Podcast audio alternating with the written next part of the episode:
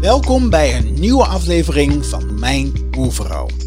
Een extra lange aflevering, omdat onze gast dat gewoonweg verdient. Voor deze aflevering zijn we afgereisd naar het kampterrein van herinneringscentrum Kamp Westerbork. Daar spreken we met José Martin, die daar nu al meer dan 20 jaar actief is als onderzoeker en een van de initiatiefnemers is van het project 102.000 namen, waarmee Kamp Westerbork gedeporteerde en vermoorde Joden, Sinti en Roma een naam en een gezicht geeft. Maar eerst willen we je wijzen op een andere podcast, die door mijn oervrouw in de afgelopen periode werd geproduceerd. Voor de Friese erfgoedinstelling Tresor maakten we een podcast over het indrukwekkende levensverhaal van Fred van Vliet. Hij is een van de honderden Joodse kinderen die tijdens de oorlog naar Friesland wordt gesmokkeld om daar onder te duiken. En op die manier de oorlog te overleven. Naast het huis uh, van mijn ouders was een schilder bezig en die stond op een ladder en die keek zo en die had wel twee kindjes gezien die aan het spelen waren. Maar toen op een gegeven moment draaide zich om, toen zag hij nog maar één. En hij keek nog een keer en toen zag hij op een gegeven moment een petje in het water drijven. En, en toen zag hij plotseling een armpje. Nou, en toen begreep hij wel dat er iets mis was. En toen heeft hij mij uit het water gehaald. Ik denk dat hij, maar dat weet ik niet zeker, dat hij er misschien ingesprongen is, want ik was toch wel een beetje uit de kant. En eh, zo herinner ik mij nog dat ik met één in een badkuip met warm water gestopt ben, want het was En zo ben ik dus, uh, dus gered door die schilder. En ik zeg dan wel eens, Rachel die heeft altijd op me gepast natuurlijk. Die heeft gezorgd dat ik uh, niet door de Duitsers opgepakt ben. En die zat nog steeds op mijn schouder en die dacht, hé, hey, er moet hem niets overkomen. Dus die heeft toen misschien ook wel weer voorzichtig naar beneden gekeken en denkt, hé, hey, red hem. Het verhaal van Fred van Vliet is te beluisteren in de Tresor podcast. Te beluisteren via de website www.tresor.nl. Daar kun je ook een tentoonstelling bezoeken met andere verhalen van Joodse smokkelkinderen. Je kunt de podcast ook luisteren in alle podcast-apps.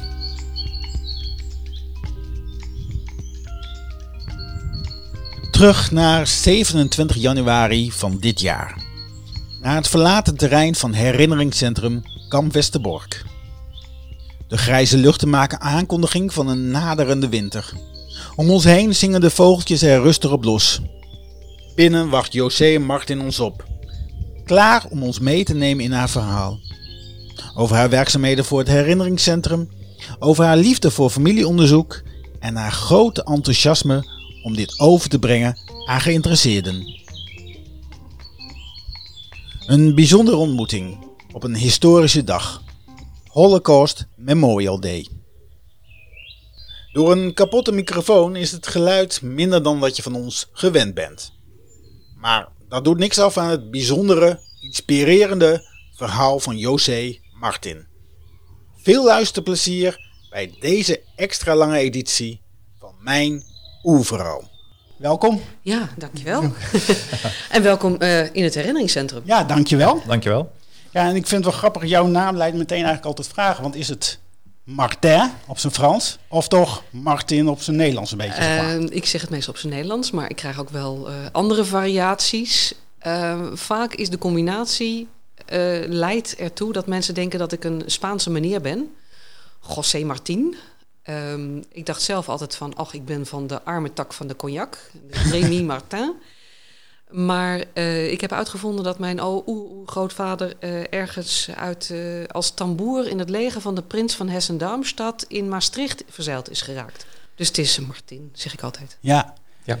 Ja, en we zijn vandaag hier in, in ja, op het trein van het herinneringscentrum Kamp Westerbork. Ik kwam daar als vroeger als kind al heel veel. Mijn ouders namen me hier mee naartoe ja, voor mij altijd een hele bijzondere plek. Ook omdat je in een uh, ja, soort van hele stille, serene plek uh, belandt. Vandaag is, lijkt het allemaal nog heel anders, want het is helemaal stil hier. Het museum is gesloten. Eh, de collega's werken allemaal thuis, dus bij uitzondering zijn we hier ook vandaag eh, op mijn werkplek, letterlijk. dit is het kantoor van waaruit wij als afdeling collectie deel van het kenniscentrum werken ook normaal, met z'n drieën, plus alle vrijwilligers. En het is vooral ook heel uh, onwezenlijk als je bedenkt dat we een jaar geleden bezig waren met het lezen van de laatste namen van de 102.000 namen. Ja. Hè, en het in het museum heel druk was, op het kampterrein heel veel mensen waren, de tent daar stond. Niet wetende dat je twee maanden later gewoon niks, leeg. En um, ja, dat, dat is dan ook wel even weer heel raar. Klopt. Ja, dan is het contrast heel groot uh, tussen uh, in een jaar tijd, zeg maar. Absoluut, ja. absoluut. Ja. ja. ja. Hoe ervaar je het dan als je hier op het terrein bent en eigenlijk ja, de medewerkers zijn er niet, er zijn veel minder mensen op het terrein. Hoe ervaar jij dat? Ja, dat minder mensen op het terrein denk ik valt wel mee, want er gaan natuurlijk heel veel mensen wandelen. Um, het is wel zo dat je de geschiedenis van dat terrein uh, minder kunt meegeven. Er zijn geen rondleidingen. Uh, je het museum is gesloten.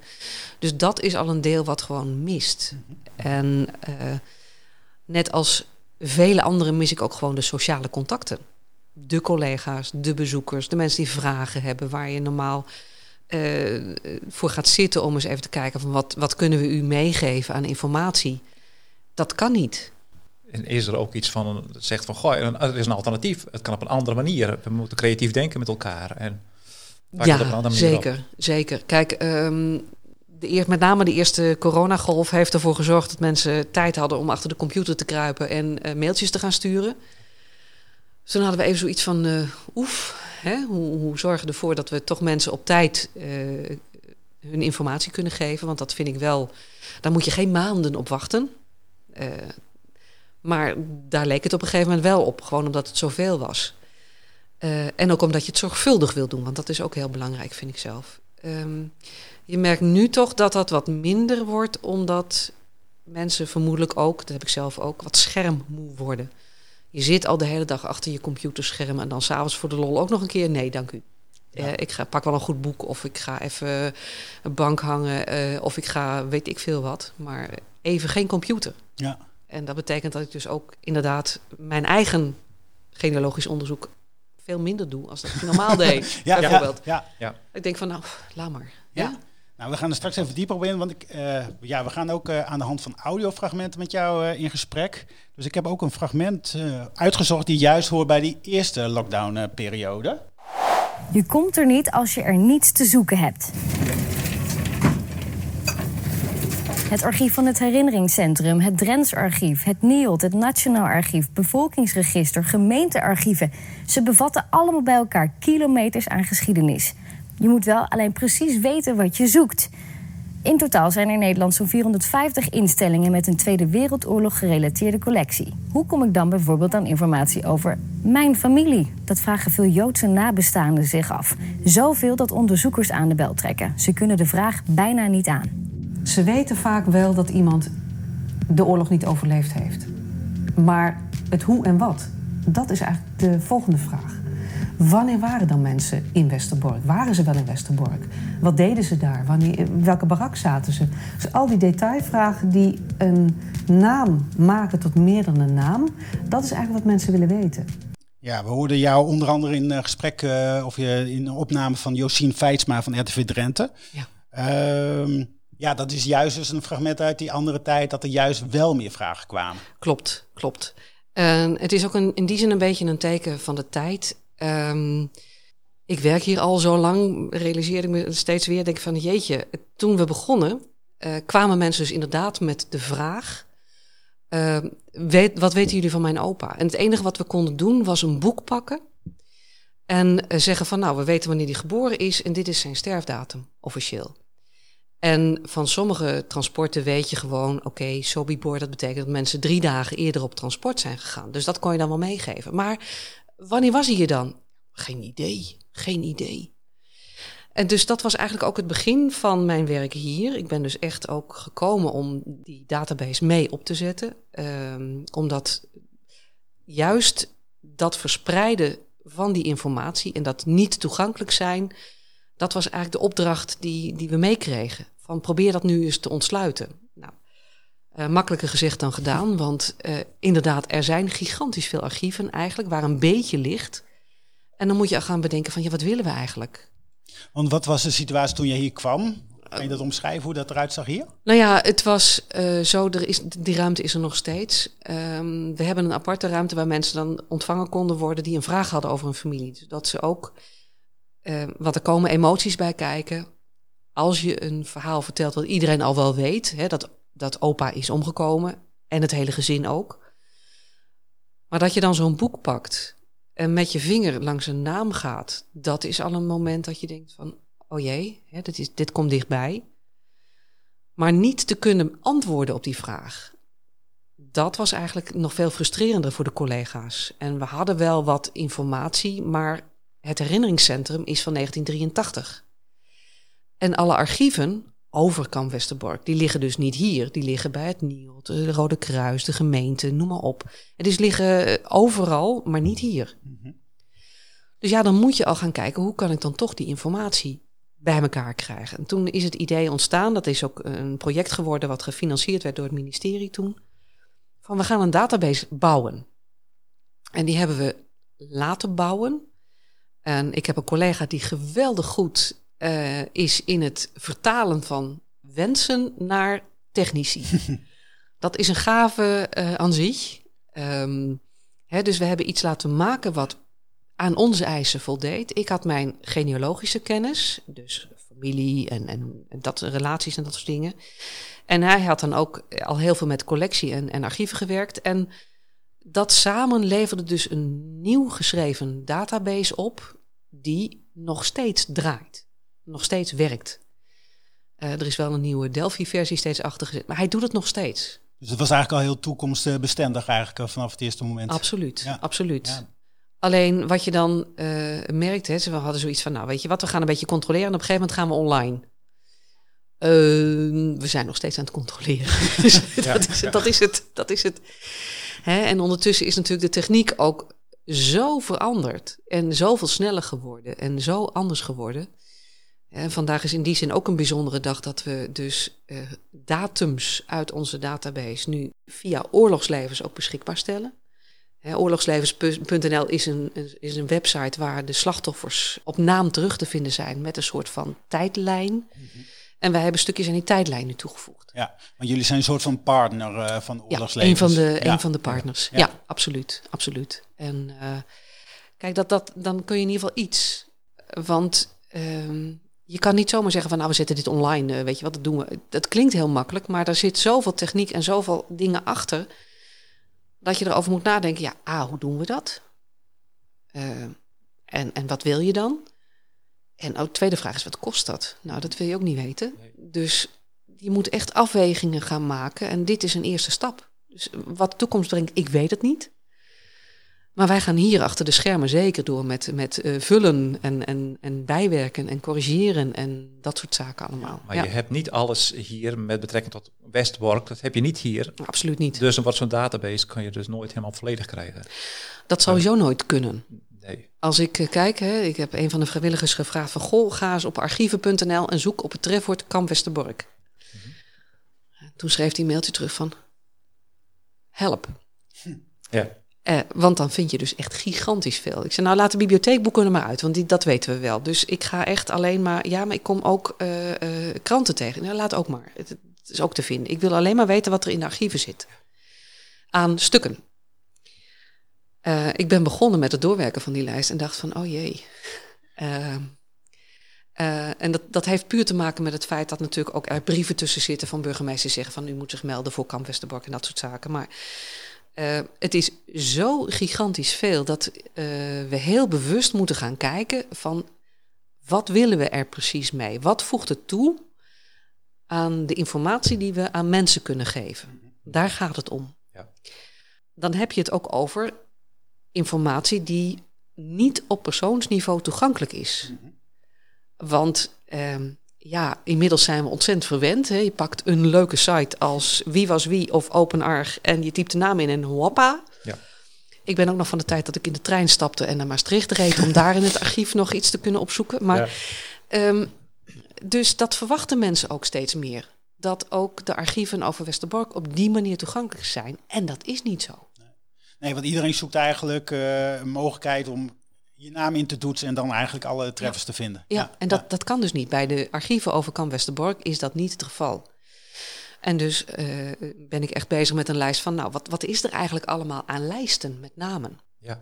Daar werd ik ook wat minder vrolijk van. Dus uh, gewoon omdat het zoveel is. Maar het is wel uh, informatie waarvan ik zeg, nou, we moeten een manier vinden. En hoe, weet ik nog niet, daar zijn we allemaal nog echt met beleid en noem maar op bezig om dat goed op papier te krijgen. Want je kunt beter nu eerst nadenken en het helemaal gaan uitzoeken.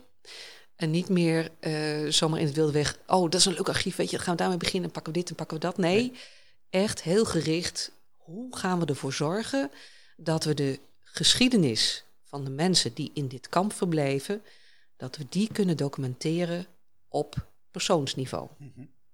En is die geschiedenis altijd uh, juist? Er zijn verhalen bekend van mensen die zijn bijvoorbeeld als overleden opgegeven, mm -hmm. maar die bleken uiteindelijk nog te leven. Ja, Nee, die is niet juist. Nee. Vandaar ook dat ik zei van nou, we dachten van we gaan even een paar jaar controleren en uh, huppatee, dan kunnen we. Nee, ja. uh, ik ben nog steeds aan het controleren. Ja, precies. En dat komt ook omdat we uh, bezig zijn. En dat was eigenlijk voor het vorige namenlezen. Dus kan je nagaan, dat is vier jaar geleden. Vijf jaar geleden inmiddels. Dachten van, weet je wat, we gaan even de overlijdensakte downloaden... en die gaan we gewoon koppelen in onze database. Huppatee, klaar. Kunnen we dat... Nou, we zijn nog steeds bezig. Uh, inmiddels hebben we, uh, denk ik nu, de vrijwilligers hebben in de afgelopen periode, denk ik, zo'n 10.000 actes weer binnengehaald. Ik denk dat we nu zo rond de ruim 90.000 mensen met een overlijdensakte hebben. Van de 102.000 slachtoffers. Dan kom je er A achter dat van veel mensen geen overlijdensakte is opgemaakt. Bijvoorbeeld van de mensen die in Kamp Westerbork woonden en dus ook in de gemeente waren ingeschreven, dan verwacht je dat hier ook de akte is uitgeschreven. Niet dus. Um, maar wat je ook ziet, want de mensen die dan hier invoeren, die moeten exact invullen wat er op de akte staat, is dat er gewoon ontzettend veel fouten zijn gemaakt. Mm -hmm. Kan je daar een voorbeeld van geven? Nou ja, die noemde al even van mensen die overleefd blijken te hebben, ja. uh, maar ook gewoon schrijffouten. Juni, juli, uh, 42, 43, uh, ja. namen, geboortedata, je kan zo gek niet verzinnen of het zit er wel tussen. En dat wordt nog voortdurend gecorrigeerd. Dus echt precisiewerk. Ja, ja, ja.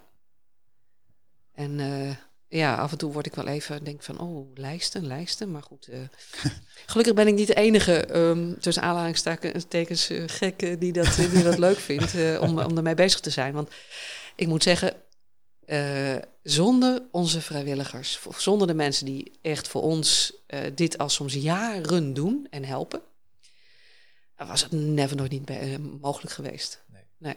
En ik heb voor. Absoluut. Ik heb een paar mensen die zitten nu echt inderdaad uh, dingen uit te zoeken. En ik van, oh, waar haal je dat vandaan? Waar haal je dat vandaan? Oh, dat wil ik ook weten, weet je. En dan had ik eigenlijk zelf willen doen, maar het kost zoveel tijd. Ja. ja. Dat is het. Hè. Dat, je moet gewoon soms zo diep in archieven en op plekken zoeken dat je denkt van, oh. En klopt dat dan ook, is de tweede vraag. Dus je moet altijd... Uh, als journalist weet ik, uh, één bron is geen bron. Dus uh, nee, je moet ook wel bevestiging vinden check, van sommige check, dingen. Check, ah, ja, check, check, dubbel check. Ja, ja. Ja, ja, ja, ja, ja, ja, Dus ja, dat, dat maakt het dan ook wel weer uh, heel bijzonder dat op die manier ook weer dingen bij elkaar komen. Maar het blijft, het blijft, ja. En er zullen ook altijd hiaten blijven. Hè? Oh ja, absoluut. absoluut. Dus het, blijft, het blijft gewoon onvolledig. Ja, ja en, en we hebben het dan vooral over de Duitse Joden, die dan naar Nederland zijn gevlucht. Uh, die uiteindelijk via vluchtelingenkampen bijvoorbeeld in Westerbork terechtkwamen en dan inwoner van de gemeente Westerbork worden. Met de laatste transporten naar bijvoorbeeld Theresienstadt gaan en van daaruit door naar Auschwitz en dan verdwijnt hun spoor. En er is voor hen dus ook geen overlijdensakte uitgeschreven. Waarschijnlijk, vermoed ik, in Nederland. Uh, het is wel zo dat ze vaak in Duitsland uh, voor dood verklaard zijn. Dat is in Duitsland anders dan in Nederland. In Nederland moet een datum op de overlijdensakte staan. Vandaar ook die sommige echt, uh, nou ja, volstrekt ongeloofwaardige data. Um, in Duitsland is het zo, dat is het gewoon simpel vuur dood erklärt. Punt. Mm -hmm. Ja. Door het Zonderstandesamt Bad Arolsen, eh, waar dan inderdaad iemand soms in de jaren 60 of 70 nog eh, doodverklaard wordt. En dat gaat ook in Nederland nog steeds. Ja, en in Nederland was het natuurlijk heel belangrijk om gegeven- op een gegeven moment wel een overlijdensakte te hebben. Want dan kon je misschien als nabestaande weer verder met je leven. Ja, dat heb ik me eigenlijk eh, de eerste jaren nooit zo gerealiseerd. Hoe, hoe, hoe die hele ehm, periode na de oorlog ehm, zo bepalend is geweest voor zoveel mensen. Hè? Dus, dus oké, ze kwamen terug, er was niks meer. Maar het feit dat je gewoon niet verder kon met je leven. Omdat er gewoon ambtenaren waren die zeiden van... nee, er moet een getuige zijn die van het overlijden van uw man... eh, getuigenis gaat afleggen. Ja, maar hij was in Sobibor. Ja, nee, eh, Ja. Dus dat, de, die, die, die, die onmacht, die, die bureaucratie die ook al in de oorlog dus heel veel mensen het leven heeft gekost. Eh, ja. En ehm, daar zijn eh, prachtige stukken over geschreven hoe dat was. En denk, echt, ik kan er alleen maar met, met verbijstering naar kijken hoe dat, hoe dat gegaan is. En ook hoe toen al ehm, ja, eh, organisaties elkaar nou net niet de tent uitvochten om van nee, maar dat stukje is van mij en dat stukje is van mij. En dit is, dit is mijn archief en dat is jouw archief. En daar mag je niet aankomen en hier mag je niet aankomen. Het is eigenlijk onvoorstelbaar ook. Hè, want we hebben het over bijvoorbeeld over de archieven van Arolsen die nu prachtig online staan. Ehm, ik heb wel met mensen daar gesproken en die zeiden ook van ja, dat was. Dit hadden we twintig jaar geleden, maar jaren negentig, nooit kunnen denken. Want er was een directeur toen die zei: Die archieven liggen achter die deur en er mag niemand met, met zijn vingers aankomen. En er mag niemand inkijken. Deur zit op slot. Ja. En, en eh, dat er nu gedeeld wordt en dat er ervaringen worden uitgewisseld en dat soort zaken, dat is zo waardevol. En niet meer van eh de armen eromheen, die is van mij. Nee, dit is van ons. Ja. Dit is van ons. Ja. En eh, daar is oorlogslevens dus een voorbeeld van. Eh, ik merk dat ook in mijn internationale contacten. We hebben één keer per jaar een soort internationale databaseconferentie met collega's uit de hele wereld die met, met dit soort databases, met, met slachtofferdatabases bezig zijn. Die contacten zijn zo waardevol en ervaringen en, en gegevens uitwisselen en dat soort zaken. Dus vandaar nu dat wij ook een set van onze gegevens, eh, in eerste instantie alleen maar de basisgegevens, nu aan eh, de United States Holocaust Memorial Museum hebben gegeven. Die hebben ze online staan. Dus mensen kunnen gewoon nu op Nederlandse slachtoffers kijken en dan klikken ze en dan komen ze bij ons uit. Nou ja, ja. Ja. Ja, eh, je zit ergens in middle of nowhere in Amerika. Hoe weet je dat je bij Westerbork vragen kunt stellen? Mhm, mhm. En nu wel. ja. Ja. En merk je dan ook inderdaad een tendens eh, internationaal dat archieven zich meer open willen stellen, ook voor particulier onderzoek? Ja, sowieso. Ja. sowieso. En nu eh, komt daar wel een enorme streep doorheen door allerlei privacywetgeving, die dan ook op verschillende manieren wordt uitgelegd in allerlei verschillende landen.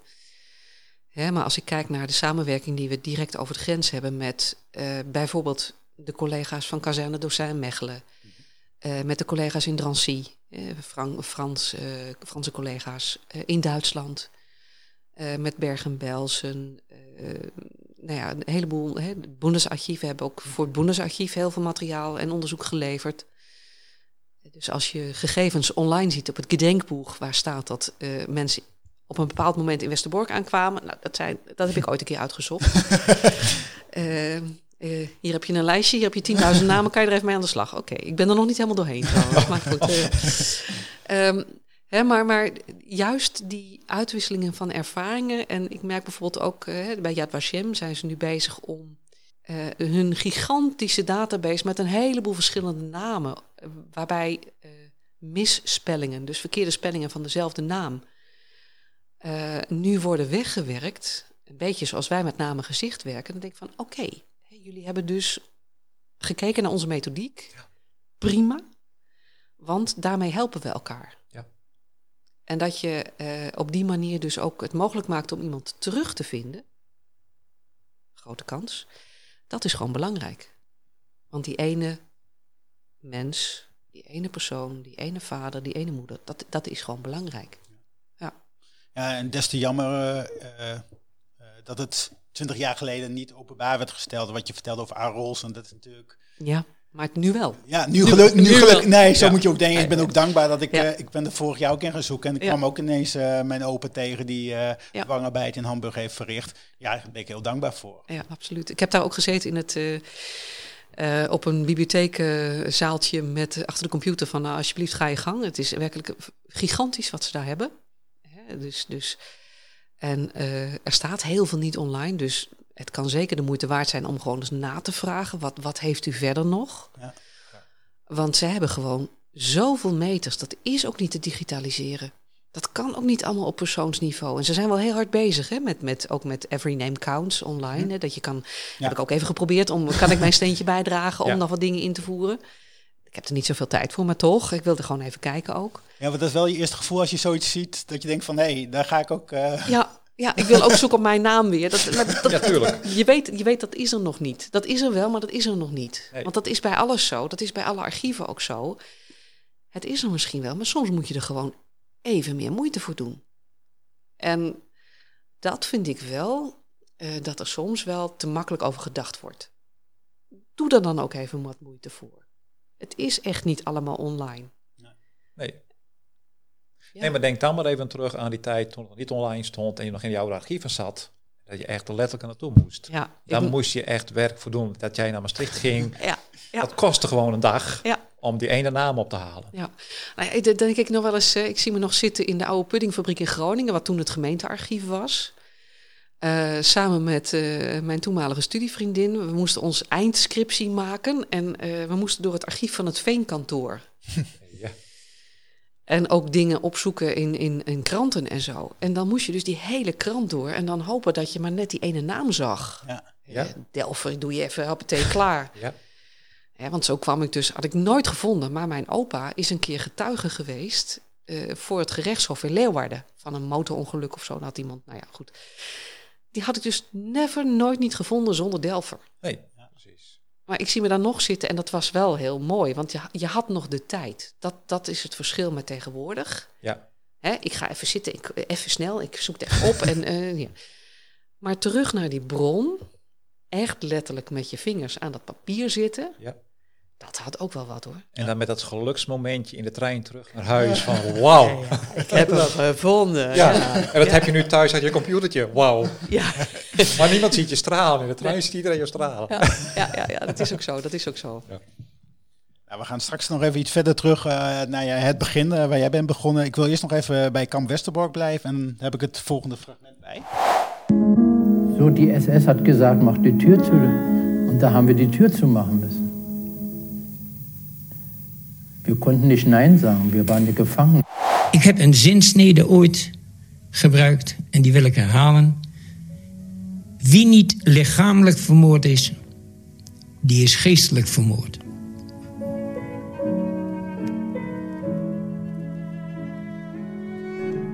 Ja, wie horen we hier? Ik hoor Hans Margules.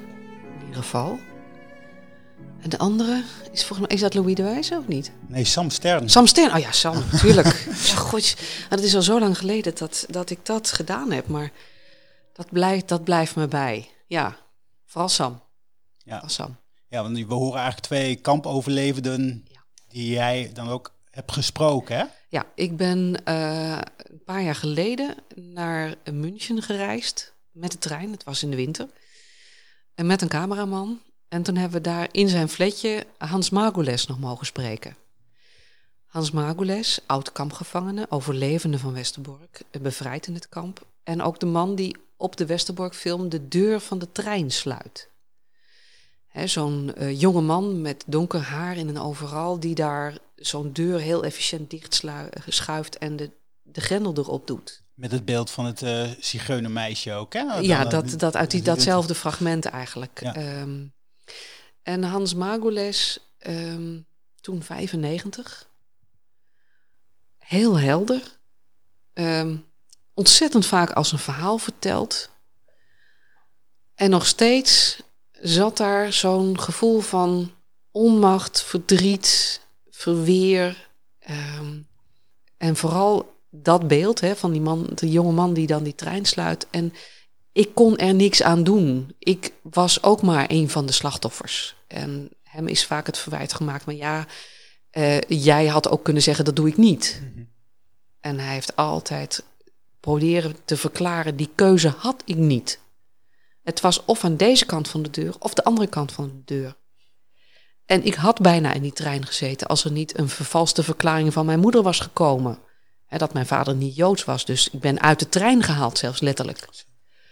Dus ehm, dat heeft zijn hele leven bepaald en begeleid. Hij was kunstenaar en werkte met draad. Hij maakte van echt draad, gewoon van dat hele fijne ijzerdraad maakte hij prachtige kunstwerken.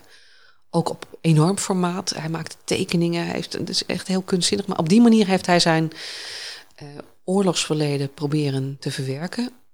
En het mooie was dat toen ik wegging, kreeg ik van hem zijn Westerbork-materiaal mee.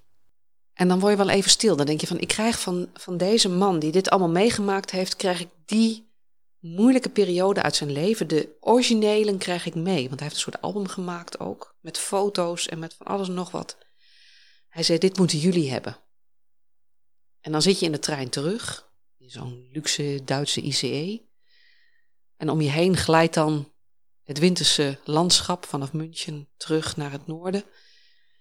En dan denk je van ja, wat, wat, heb ik hier nu eigenlijk meegemaakt? Ik heb hier een soort ook periode afgesloten. Hij is een jaar, een jaar later, bijna een jaar later overleden.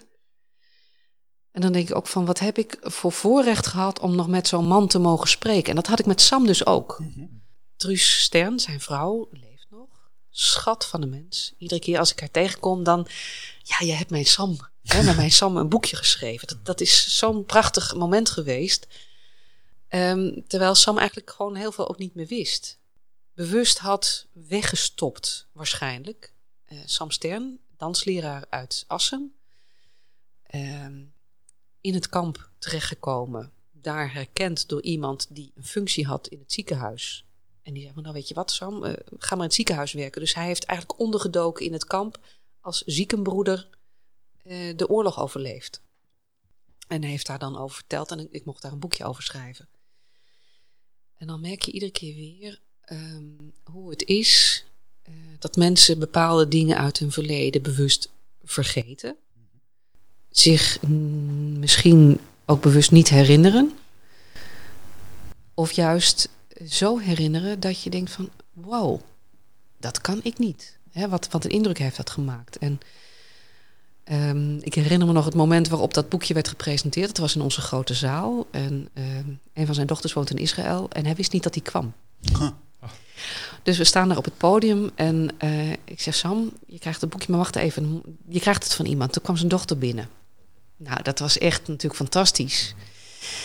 En ik was zo trots, met name op hem, omdat hij gedurfd heeft om zijn verhaal te vertellen. Ja, want was het de eerste keer dat hij het vertelde aan jou? Nou, dat, dat niet, maar het is wel natuurlijk dat het zwart op wit staat, is wel in één keer heel confronterend. Hè? Ja, dus, ja. dus ehm, en het waren ook lange sessies bij hem thuis in Hogeveen, bij de familie Stern thuis in Hogeveen. En uh, uiteindelijk om dat op papier te krijgen is dan best lastig. Uh, vooral omdat je gewoon ook sommige details denkt van ja, dat mis ik, maar dat weet hij niet meer. Hoe moet ik, hoe moet ik daaromheen schrijven en zo. Hè? Dus, dus het zijn ook een beetje gaten aan de ene kant. Maar aan de andere kant heb je natuurlijk wel dat, dat persoonlijke. En dat is eigenlijk een van de dingen waarvan ik denk, ja, uh, Sam is daar een goed voorbeeld van. Uh, Hoe heb je dat eigenlijk opgelost? Die gaten invullen? Um, weet ik eigenlijk niet meer. Dat is een beetje een gat. dus een gat in het geheugen. ja, ja, ja, ja. Ja, nou ja, goed. We hebben natuurlijk, uh, had, we hebben ook wel illustraties. Dus soms moet je gewoon ook even iets meer over de familiegeschiedenis en, en alle andere momenten. Hè? Want je kunt niet. Hij heeft gewoon drie jaar in het kamp gewoond. Ja, en drie jaar, uh, dat is, dat is uh, ook een moment geweest waarop gewoon voor hem niet zoveel gebeurde. Want hij was in het ziekenhuis aan het werken en dat was iedere dag hetzelfde. En je had de spanning van het transport en moet ik mee en dat soort dingen allemaal. En hij werd uh, als dansleraar werd hij, werd hij ziekenverzorger. Ja, dat is ook even heel wat anders. Mm -hmm. Hè, maar um, het, is, het is vooral een persoonlijk boek geworden van Sam over Sam. Terwijl hij dus heel bescheiden eigenlijk ook zoiets had van... ja, moet dat nou? Ja, nee, goed. Maar hij wilde het wel kwijt. Hij wilde het wel vertellen. En uh, dan iedere keer als ik Truus zie of tegenkwam... dan was het altijd even van... Even, gewoon even knuffelen. Zo van, ja, ja, Sam, hè. Ja. Ja. En dat zijn van die momenten dat ik denk van wat, wat heb ik toch een eigenlijk een prachtige baan. Want ik vind het zo mooi dat je met mensen mag praten, eh, verhalen mag aanhoren. En ik heb heel veel verhalen mogen aanhoren. En dat ik ook die verhalen mag doorgeven. Juist om ervoor te zorgen dat die verhalen niet verloren gaan. Want dat heb ik dan naar mijn eigen familie gezien. Dus denk ik van, goh, had ik nou maar gevraagd? Heb ik niet gedaan. Ja. Had ik moeten doen. Ja. En voelde jij die drijf ook steeds als je bij mensen dan over de vloer was om een verhaal op te tekenen, dat je denkt van hé, hey, maar dit verhaal moet doorverteld worden? Of? Ik ben, ik ben vooral iemand van het luisteren. Ehm, het belangrijkste van eh, een verhaal vertellen is het luisteren. Stiltes zijn soms veel belangrijker dan een vraag. Want met vragen ga je soms dingen invullen. En eh, je moet mensen ook de ruimte geven. En ik heb soms ook wel gemerkt dat het aan mij vertellen van een verhaal een soort van drempel weghaalde. Van hé, ik kan het wel. Ik kan toch eigenlijk mijn verhaal wel ook aan anderen vertellen. Het is een soort van eh, ja, breekpunt in hun eigen ervaren van, die, van dat verleden. Uh, ik zeg wel eens, ik heb een schouder en dan, dan til ik mijn arm op en dan wordt met, met tot aan mijn elleboog wordt het een hele brede schouder. Ik heb een schouder en hier mag je wel even op uithuilen. Dat mag. Mhm. Daar doe ik niks mee. Want ik, ik ben hier alleen maar om te luisteren, niet om te veroordelen, niet om te oordelen. Uh, vertel mij maar en vertel mij dan ook wat ik wel en niet mag gebruiken. Het is niet aan mij om daar keuzes in te maken. Dat is aan jou. Het is jouw verhaal. En dan merk je ook dat, dat uh, er mensen zijn die uh, ja, daar heel veel moeite mee hebben. Maar zoals gezegd, als het één keer verteld is, dan komt de rest ook wel. Uh, en ik ken iemand die dus uiteindelijk als gastspreker ook op scholen het verhaal is gaan vertellen. Nadat het aan mij was verteld. Dat was een soort van breekpunt geweest. Dus ik heb daar bijna een hele dag gezeten. En foto's gescand en gekeken van, dit is die en dat is die en zus en zo. En naar het eigen verhaal. En dat was een soort van breekpunt om te zeggen, maar ik kan dit. En dit wil ik. En ik ga het nu ook hè, via het landelijk steunpunt gastsprekers, wat ook bij het herinneringscentrum uh, zit, ga ik dat ook aan scholen doen. Dat merk je dus, dat dat luisterend oor soms al genoeg is. Ja. En het is natuurlijk zo dat mensen steeds ouder worden nu. Dus de eerste generatie, uh, die raken we langzamerhand kwijt. Ik heb heel veel mensen van die eerste generatie nog mogen spreken, nog mogen kennen, Ja. mogen meemaken. En ik moet zeggen, dat is toch wel een voorrecht, absoluut. Het is gewoon heel mooi ook om te zien hoe, hoe het jou nu nog raakt. Mensen kunnen het niet zien, maar wij Ja. kunnen het wel zien. Maar Ja. en, en hoe jij je ook beseft hoe waardevol dit gewoon is. Absoluut, Ja. absoluut. Ja. Ja. ja, zeker. Ja, dat is mooi. Ja, en ik, ik vraag me ook tegelijk aan, want die eerste generatie is er niet meer. Mhm. Wat, wat betekent dit voor het doorgeven van het verhaal? Gelukkig heb jij die verhalen aangehoord, worden die op die manier doorgegeven. Maar wat betekent dat voor de tweede, derde gener- generatie? Wat merk je daarvan? Nou, er is natuurlijk ook een tweede generatie die nu het verhaal doorvertelt. Ja, Hè, die, die dus het al- als taak ziet om het verhaal van hun ouders door te geven. Dus als je het hebt over mensen op scholen, dan zijn dat nu onderduikkinderen, maar ook dus tweede generatie. Eh, en dat blijft nog dichtbij, want dat, dat is het. Hè? Dus, dus dan is het, blijft het persoonlijk, dat persoonlijke verhaal. Dat, is, dat blijft belangrijk. Ehm, en je zult op andere manieren moeten gaan werken. We hebben hier bij het herinneringscentrum de afgelopen jaren heel veel interviews opgenomen. Eh, dat is eigenlijk al begonnen in de jaren tachtig op cassettebandjes. En dat werd later natuurlijk, eh, ehm, werden dat andere middelen. We hebben het op cd staan en eh, allerlei mp3 en noem maar op. Video werd op een gegeven moment ook bijgepakt, hè, dat je mensen in beeld hebt. Dus die verhalen zijn op die manier wel vastgelegd. Maar tegenover iemand zitten, nou ja, kijk maar nu naar hoe je videoconferenties doet. Eh, het is toch wat anders dan wanneer je nu zo met elkaar aan tafel zit. zeker. Zeker weten. Ja. Dus dat element is weg. Uh, maar ja, die tweede generatie die heeft ook een verhaal te vertellen. En dan heb je toch wel een soort van, van stap die het nog steeds heel persoonlijk maakt. En ik heb, even kijken naar de collega's die bijvoorbeeld de scholen uh, begeleiden. Dat zijn gewoon ontzettend betrokken collega's die, die in staat zijn om dat verhaal ook, dat persoonlijke verhaal, zo over te brengen dat kinderen hier ook weggaan van. Wow, En er zijn momenten dat het ook zo dichtbij komt dat je merkt van, oh ja, als zo'n groep daar zit en, en eh, het persoonlijke verhaal van een familie uit een dorp wordt verteld, van een stad die daar, die, eh, waar dan dat, eh, die groep vandaan komt. Een collega heeft een keer gehad, die vertelt het verhaal. En die laat een foto zien eh, van een, eh, dus de Joodse familie voor hun huis. En zegt een jongetje, hé, hey, daar woon ik. Tjoe. Ja. Boom, klaar. Ja. Ja. Hè, dus je kunt op veel verschillende manieren. Kijk maar naar, naar- nu naar eh, het initiatief van de laatste jaren Joodse huizen. Eh Stolpersteinen. Ja. Ja. Ehm, vergeleken met, nou ja, wie die twintig jaar geleden, is er zo verschrikkelijk veel bijgekomen. Ja. Nee, dit- ik heb ehm, de eerste ehm, eh, ontwikkeling van het Joods monument meegemaakt, hè, online. Wat eerst bij het Instituut voor Sociale Geschiedenis zat. Ja. En eh, ja, dat ik van er is dus ontzettend veel bijgekomen, wat alleen maar goed is. Ja. Ja, en ook belangrijk wat, wat we noemen is eh, het onderwijs, waar natuurlijk al veel meer aandacht is ook voor de lokale geschiedenis. Ja. Als ik kijk naar hoe ik ben opgegroeid op de basisschool, hoor ik wel over de Tweede Wereldoorlog, maar heel in het algemeen. En niet wat er in, eh, in, in Groningen gebeurde bijvoorbeeld. Nee, nee daar, dat heb ik altijd nog wel. Dat ik mijn, mijn moeder weet het niet meer. Eh, maar ik had mijn opa en oma kunnen vragen, want die woonden namelijk in Hoge Zand aan de Julianastraat. Smeersloontje, zeg maar. En zij, door, de, door hun tuin, daarachter liep dus het spoor naar Nieuwe Schans, van Groningen naar Nieuwe Schans. Hebben zij die treinen voorbij zien komen? Ja. Ik weet het niet. Dat zou heel goed kunnen. Dan moet ik dan denken aan het eh, verhaal van Kees Visser, hè, die dan wel eh, daarover vertelde en wel over die treinen vertelde. Die woonde daar volgens mij ergens in de buurt ook aan het spoor. Mhm. Ja. Maar het kan niet anders dan dat ze die treinen voorbij hebben zien rijden. Even verderop. Ja. En ik kan het niet meer vragen. En de vraag is, zou je het wel kunnen vragen of ze het hebben, zouden hebben gezegd? Ja, ook dat. Ook dus dat. wel een generatie. Ja. Daar loop je vooral met die oorlogs, eh, met die oorlogverhalen tegenaan, die je er gewoon niet over wil praten. Ja.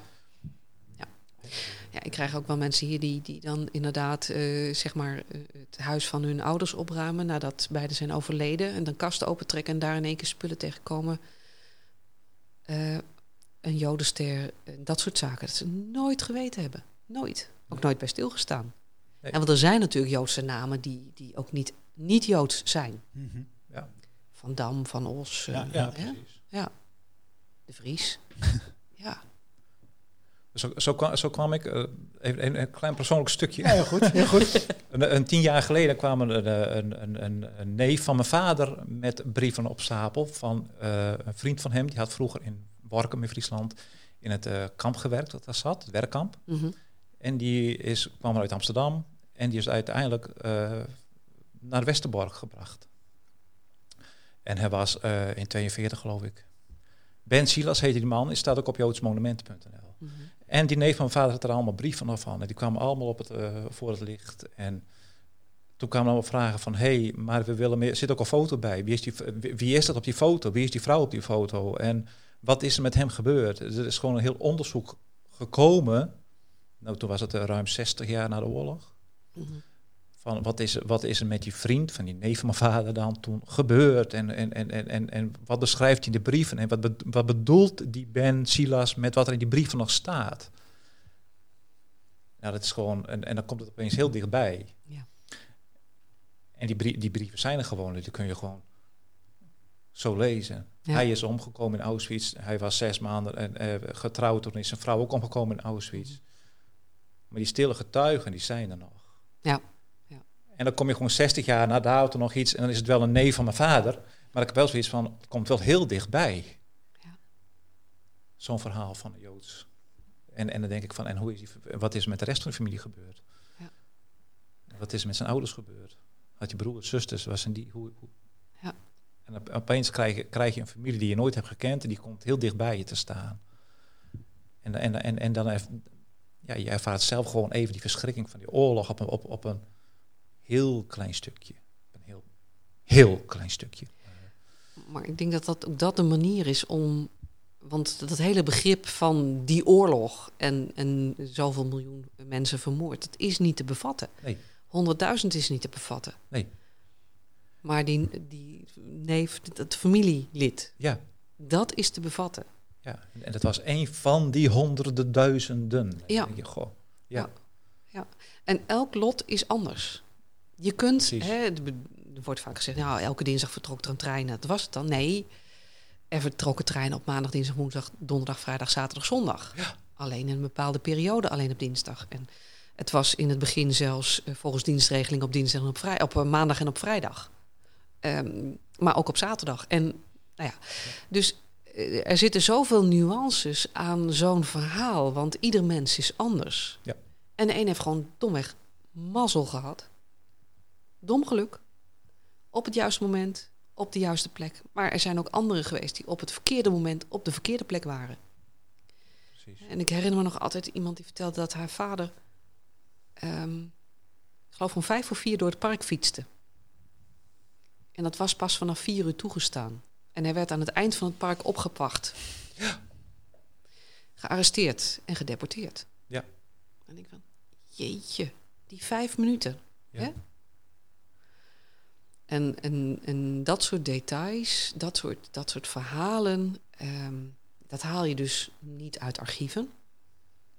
Dat haal je dus weer uit de herinneringen en de verhalen. Ja. Dat, is, dat is gewoon belangrijk dat je dat weet vast te leggen. Ook al is het via via.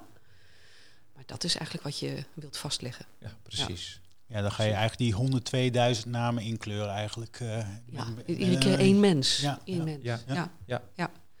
Kijk, en er zijn mensen die zijn heel lang in Kamp Westerbork geweest. Er zijn mensen die zijn nog geen, geen uur in Kamp Westerbork geweest.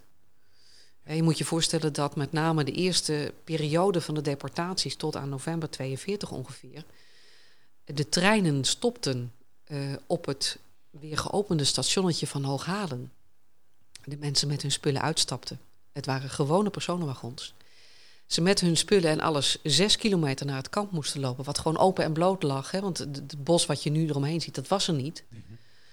Dus, en dan moesten ze daarheen, naar dat kamp. Daar werden ze geregistreerd. En dan gelijk hun spullen pakken. Een kopje koffie, misschien een boterham. En dan weer terug naar de trein.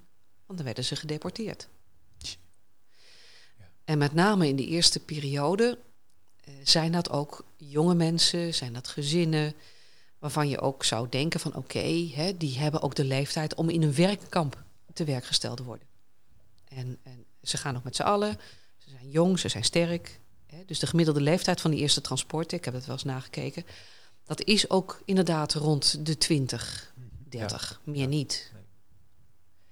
Ja, en om dan eh, te zeggen van ja, maar je, je moet toch niet en je moet dit en je moet zo en je moet zo, ja, allemaal makkelijk praten.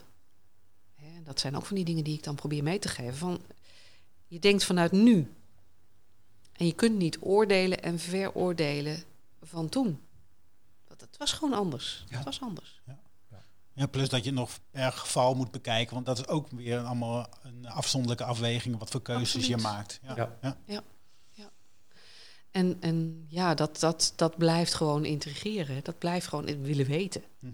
Willen weten. Waarom? Ja. En vooral als je één keer bent begonnen. Ja. En, en als je één keer zo'n verhaal van overlevenden hebt gehoord. Ja.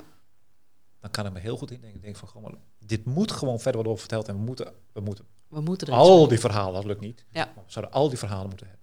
Nou ja, jij hebt aardig je best gedaan met het boek 102.000 namen, volgens Nou. mij. Ja, maar dat zijn niet de verhalen Nee, natuurlijk. klopt. Nee, maar, nee, en, maar- maar, en, en eh, inmiddels is er een addendum en weer een addendum en zo. Want er blijven gewoon correcties opkomen. Maar ehm, ik denk dat, dat kijkend naar eh, die verhalen vastleggen... We hebben de site westerborkportretten.nl... waarbij eh, mensen zelf een verhaal kunnen plaatsen over een familie. Eh, Dat zijn families zelf, maar het zijn ook scholieren die een verhaal schrijven. Dus dat, dat vult. Dat, daarmee kun je een heleboel doen. En er zijn in de landen wel heel veel mensen bezig hoor, om die verhalen vast te leggen. Dat merk Ja, natuurlijk aan de ja. vragen. Ja. Ja. Hè, en dat, dat wordt steeds minder, dat klinkt wat raar, maar steeds minder familie, maar steeds meer eh, betrokkenen. Door Joodse huizen, door de Stolpersteinen, door de puur persoonlijke interesse aan de mensen die in hun dorp hebben gewoond, die in hun straat hebben gewoond, die in hun huis hebben gewoond. Ja. En ze willen weten. Dus dan komen ze onder meer bij mij en bij mijn collega's. En wij gaan, wij gaan zoeken. En we, we wijzen ook vooral van eh, heb je daar gekeken, heb je daaraan gedacht, dit is er, dat is er. Want dat, ik denk dat dat ook een belangrijke taak is. Dat we niet alleen dus informatie beschikbaar hebben, maar ook nog een beetje weten waar je dingen zou kunnen vinden. Of een soort vingerwijzing van, goh, heb je hier aan gedacht, heb je daaraan gedacht. Ja. Want in die hele weerwar van archieven, hè, dan eh, Ja. dat, dat kleine, kleine dingetje. Ja. Ja, nou ja, daar lopen Ja. natuurlijk heel veel mensen in vast. Van, eh, nou ja, inderdaad, ze willen heel vluchtig zoeken en eh, dan denken van, oh, we hebben het gevonden. Maar ja, hoe Ja. dan verder? absoluut. Ja. absoluut. Ik wil dan even een eh, grote stap maken. We gaan naar het eh, begin. U, wanneer bent u precies naar Brazilië, Brazilië gegaan? In begin 48. In 48. En eh, hoe ging u daarheen? Ik ben in 38 gewijd, in 48 ben ik naar Brazilië gegaan. U was Dus tien jaar priester, bent u Ja. gegaan. En toen bent u nog, eh, toen had u nog die zwarte toga met het witte Nou, eh, toch, ik heb er lang mee gelopen. Ik, heb een van de, ik ben een van de langste geweest die er mee gelopen heeft. Hè. Ja, ja. Er loopt er nou nog wel een hoor, met de toga aan hoor. Maar, Maar hoe bent u daar toen heen gegaan, in 48? hè, hoe? Met Met de, vliegtuig? nee, nee, met de boot. In het ruim van een schip. Dus na de oorlog waren er geen schepen. Hè, dus dat was nog ja, begin 48. Toen eh, ben in het ruim van een boot. was zeer gezellig met een heel, eh, meer dan twintig priesters. Hè. Werd u zo'n Nee, beetje verscheept overdag. of zo? Overdag, ja, maar overdag had je het hele dek. Hè. De eetzaal ja. ook. Hè. Nee, de eetzaal was ook in het ruim. Hoe lang Was heeft u daar toen over gedaan, naar Brazilië? 18 dagen, dat was 18 niet zo geweldig veel. Hè. Ik heb een reis gemaakt met een ertschip en dat duurde 23 dagen. Van het nog ten noorden van Rio, van, eh, van, eh, van Victoria naar eh, Genua. Ja, wie horen we hier? Dat is mijn vader.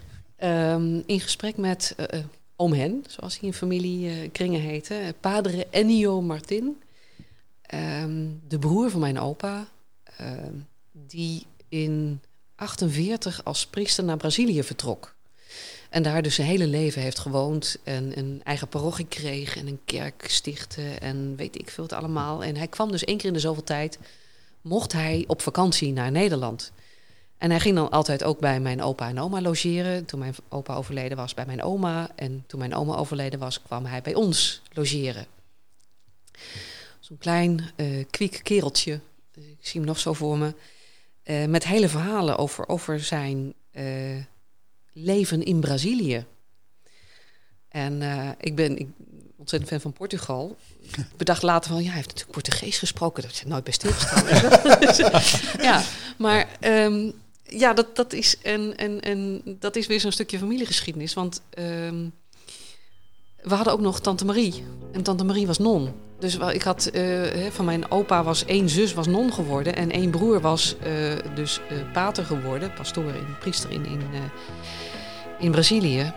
En, mijn vader eh, werkte, of had destijds bij, met, in de jaren zeventig, met een vriend een bejaardenomroep opgericht. Oftewel, hij ging op zondagmorgen met een bandrecordertje en allemaal muziek.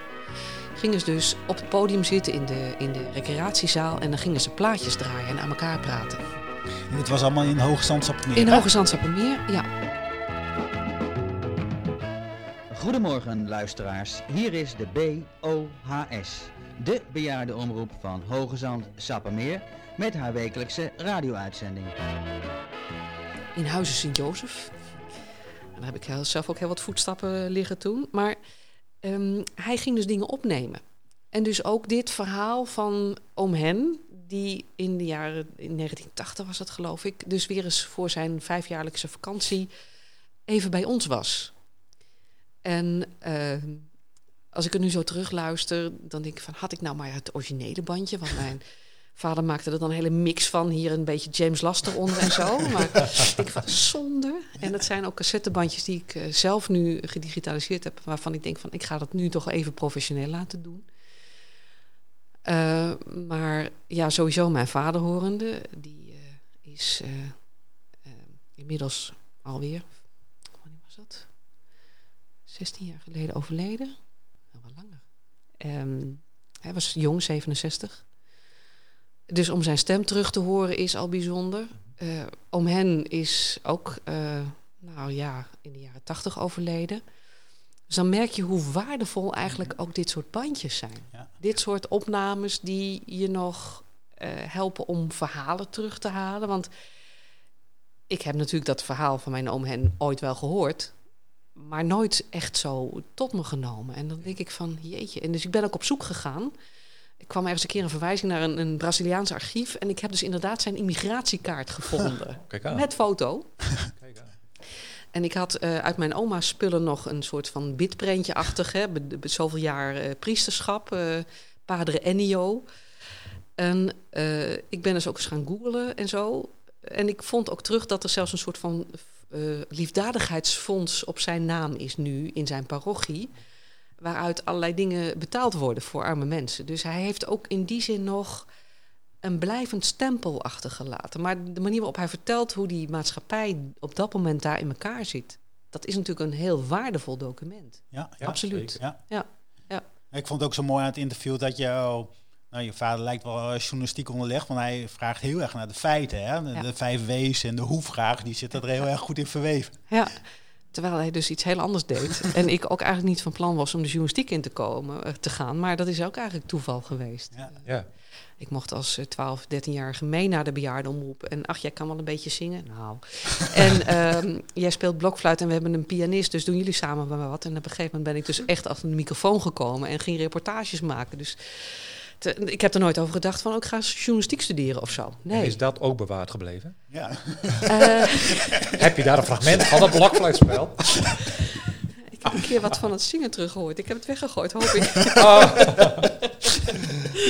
Ja, nee, maar ik heb, ik heb nog wel natuurlijk opnames van, van eh, hè, dus, dus mijn eerste begin op radio. Dat ik dacht van, oh ja, ja, ik heb een hoop bijgeleerd in die tussentijd. Maar dat zal iedereen hebben, denk ik. Want eh, hè, eh, dat is het leven. Je leert en je wordt steeds beter in dingen. Ja. Ja. Dus eh, ja. En eh, ik, ik mocht weer eens een halfjaartje studenten begeleiden. hè, De studentenjournalistiek die een stage lopen. En ik van, oh ja, ja. Ja, zo was dat. Hè. Je, je valt en je staat op en je leert. En Ja. eh, wie weet wat ze over 10, 20 jaar doen. Zo was ik ooit ook. Ja, ja. Precies. Ja. Ja, ik vergeet nooit meer dat ik eh, voor mijn afstuderen een documentaire van een uur moest maken over een, eh toen heb ik over een eh, markante Groninger gemaakt. Ik heb wel honderd interviews gedaan, maar ik wist, ik had geen idee hoe ik dat dan eh, na een uur Ja, een documentaire moest maken. Dus dat is echt, goh, als je dat nu terug hoort, dan denk ik, oh ja, ja, misschien had je iets meer moeten nadenken, hey, hoe ga ik dit indelen? klopt, klopt, klopt. Ja, nou, ik hoor, ik hoor nog wel eh, inderdaad reportages eh, die ik toen voor Radio Noord maakte.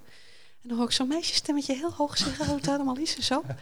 Oh ja, ik heb een presentatiecursus gedaan en geleerd dat ik dus naar beneden moest. Dat dat mijn natuurlijke stem was. Hè? Dat Ja. ik, ik was geen sopraan zoals ik altijd dacht. Ik ben gewoon alt. Punt. Ja. En, en je leert gewoon eh, spelen met je stem. Je leert gewoon, hè, dat, dat, dat is ervaring. Ja. En je leert ook luisteren vooral. Ja. En het mooie is dan af en toe om te merken dat er mensen zijn, jonge mensen, die dat van nature hebben. Die kunnen luisteren.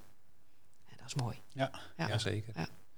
En de journalistieke gene heb je dan waarschijnlijk niet van je vader, maar die, die interesse in geschiedenis, zat dat wel bij je vader?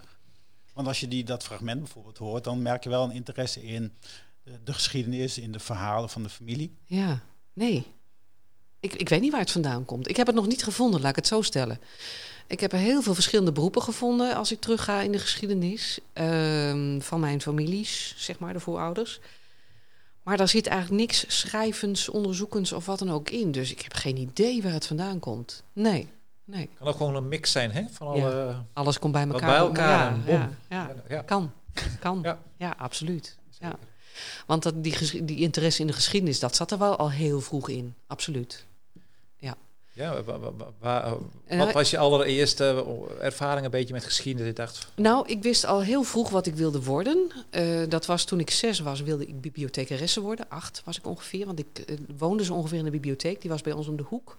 En ik zocht altijd de dikste boeken uit, want dan moest ik, anders moest ik te vaak heen en weer. Maar ehm, ik, ik wist precies, ook, ik mocht ook helpen om die kaartjes. Want vroeger had je van die kaartjes die dan met jouw leennummer, J601, vergeet ik nooit weer. ja, ja. Eh, en dan mocht ik kaartjes op volgorde zetten, dus ik mocht ook wel helpen. Totdat ik boeken over de Egyptische geschiedenis ontdekte. En toen wist ik het, ik word Egyptoloog. Oh ja. Oh ja.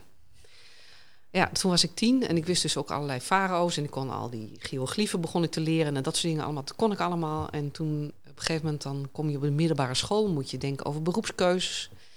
En dan blijkt dat je als Egyptoloog een kans hebt van 0, niks om met een schepje in de woestijn te komen. Oké, dan ga ik archeologie studeren. Dan wordt de kans dat ik met een schepje ergens aan de slag mag, wordt ietsje groter, 0, weinig. Ehm, ja, is dat nou mijn toekomst? Nou, eigenlijk niet. En weet je wat, dan ga ik geschiedenis studeren. Dat is leuk. Maar ja, als je geschiedenis gaat studeren, wat word je dan? Ja, word je leraar. Weet je wat, ik ga naar de lerarenopleiding. Dus zo is eigenlijk mijn Ja. eh, eh, weg naar, naar eh, het leraarschap en de geschiedenis is Ja. via die route gegaan. Steeds een stapje terug eigenlijk. En soms denk ik van ja, het heeft gewoon zo moeten zijn. Dus Ja. ja, ja, Ja, want kijk eens waar je nu uiteindelijk zit. ja. En wat voor voldoening dat je geeft, zoals je zelf aangaf. ik mag nog steeds mijn neus overal insteken. Ik mag nog steeds nieuwsgierig zijn. Ja. Ik mag nog steeds naar verhalen luisteren. Dus Ja. ik heb, ik heb- ja, ja, Nou, ontzettend wel een mazzel. Dat schreeuwen is toch eigenlijk wat los te komen. En dat is ook wonderlijk genoeg een bij- bij manier. Want ik gaf dan les aan de ULO. En, In Veendam, hè? in Veendam, ja hoor. En ik ging toen, en dat was dan blijkbaar zeer uitzonderlijk... met een klas, ik maar in de tweede klas was... naar het Vincolonium Museum. Dat was toen in de Kerkstroot. Nog vrij primitief. ik werd er ontvangen door de voorzitter van dat Vincolonium Museum. De heer Streuman. Een begrip in Veendam.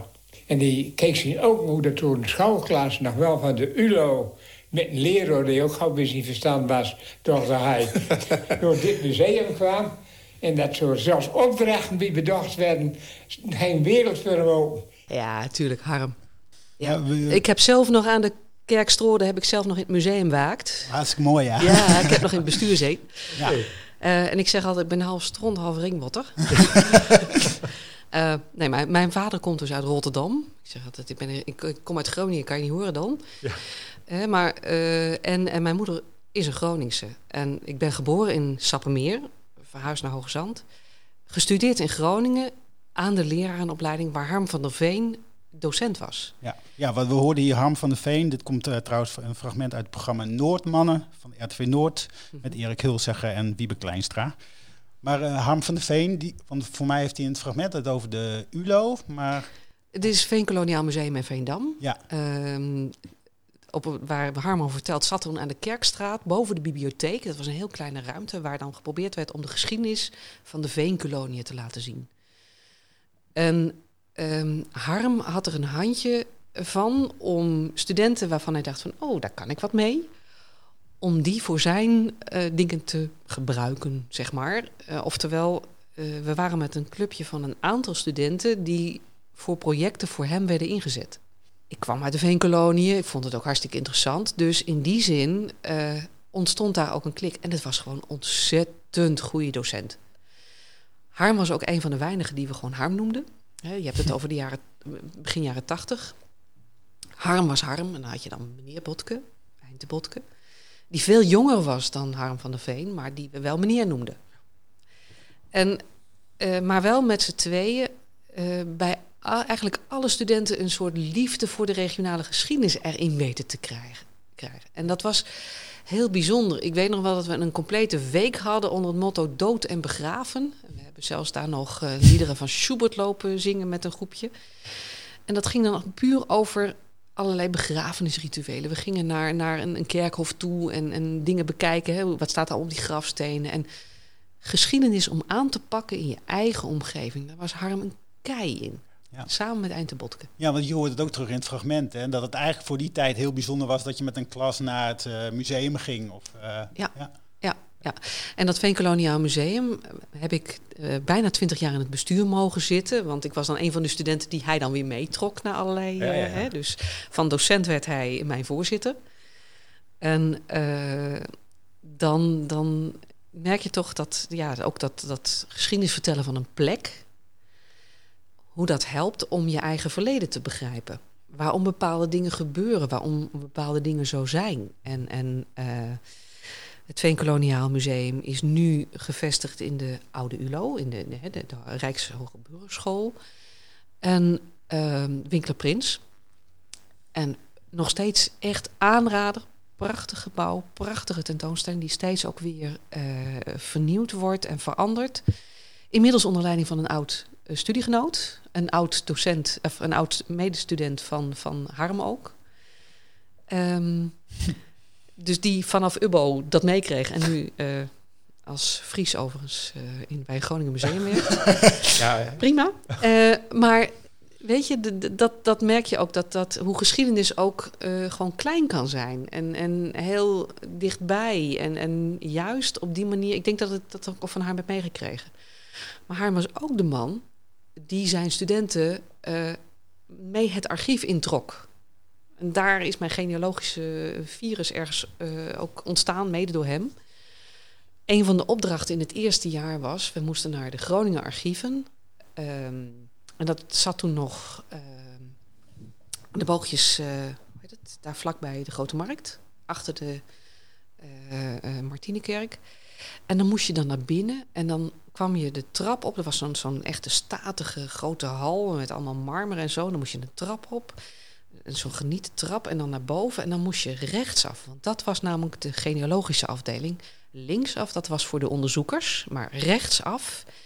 En dan kregen we dus een naam mee en dan moesten we een overlijdensdatum bijzoeken.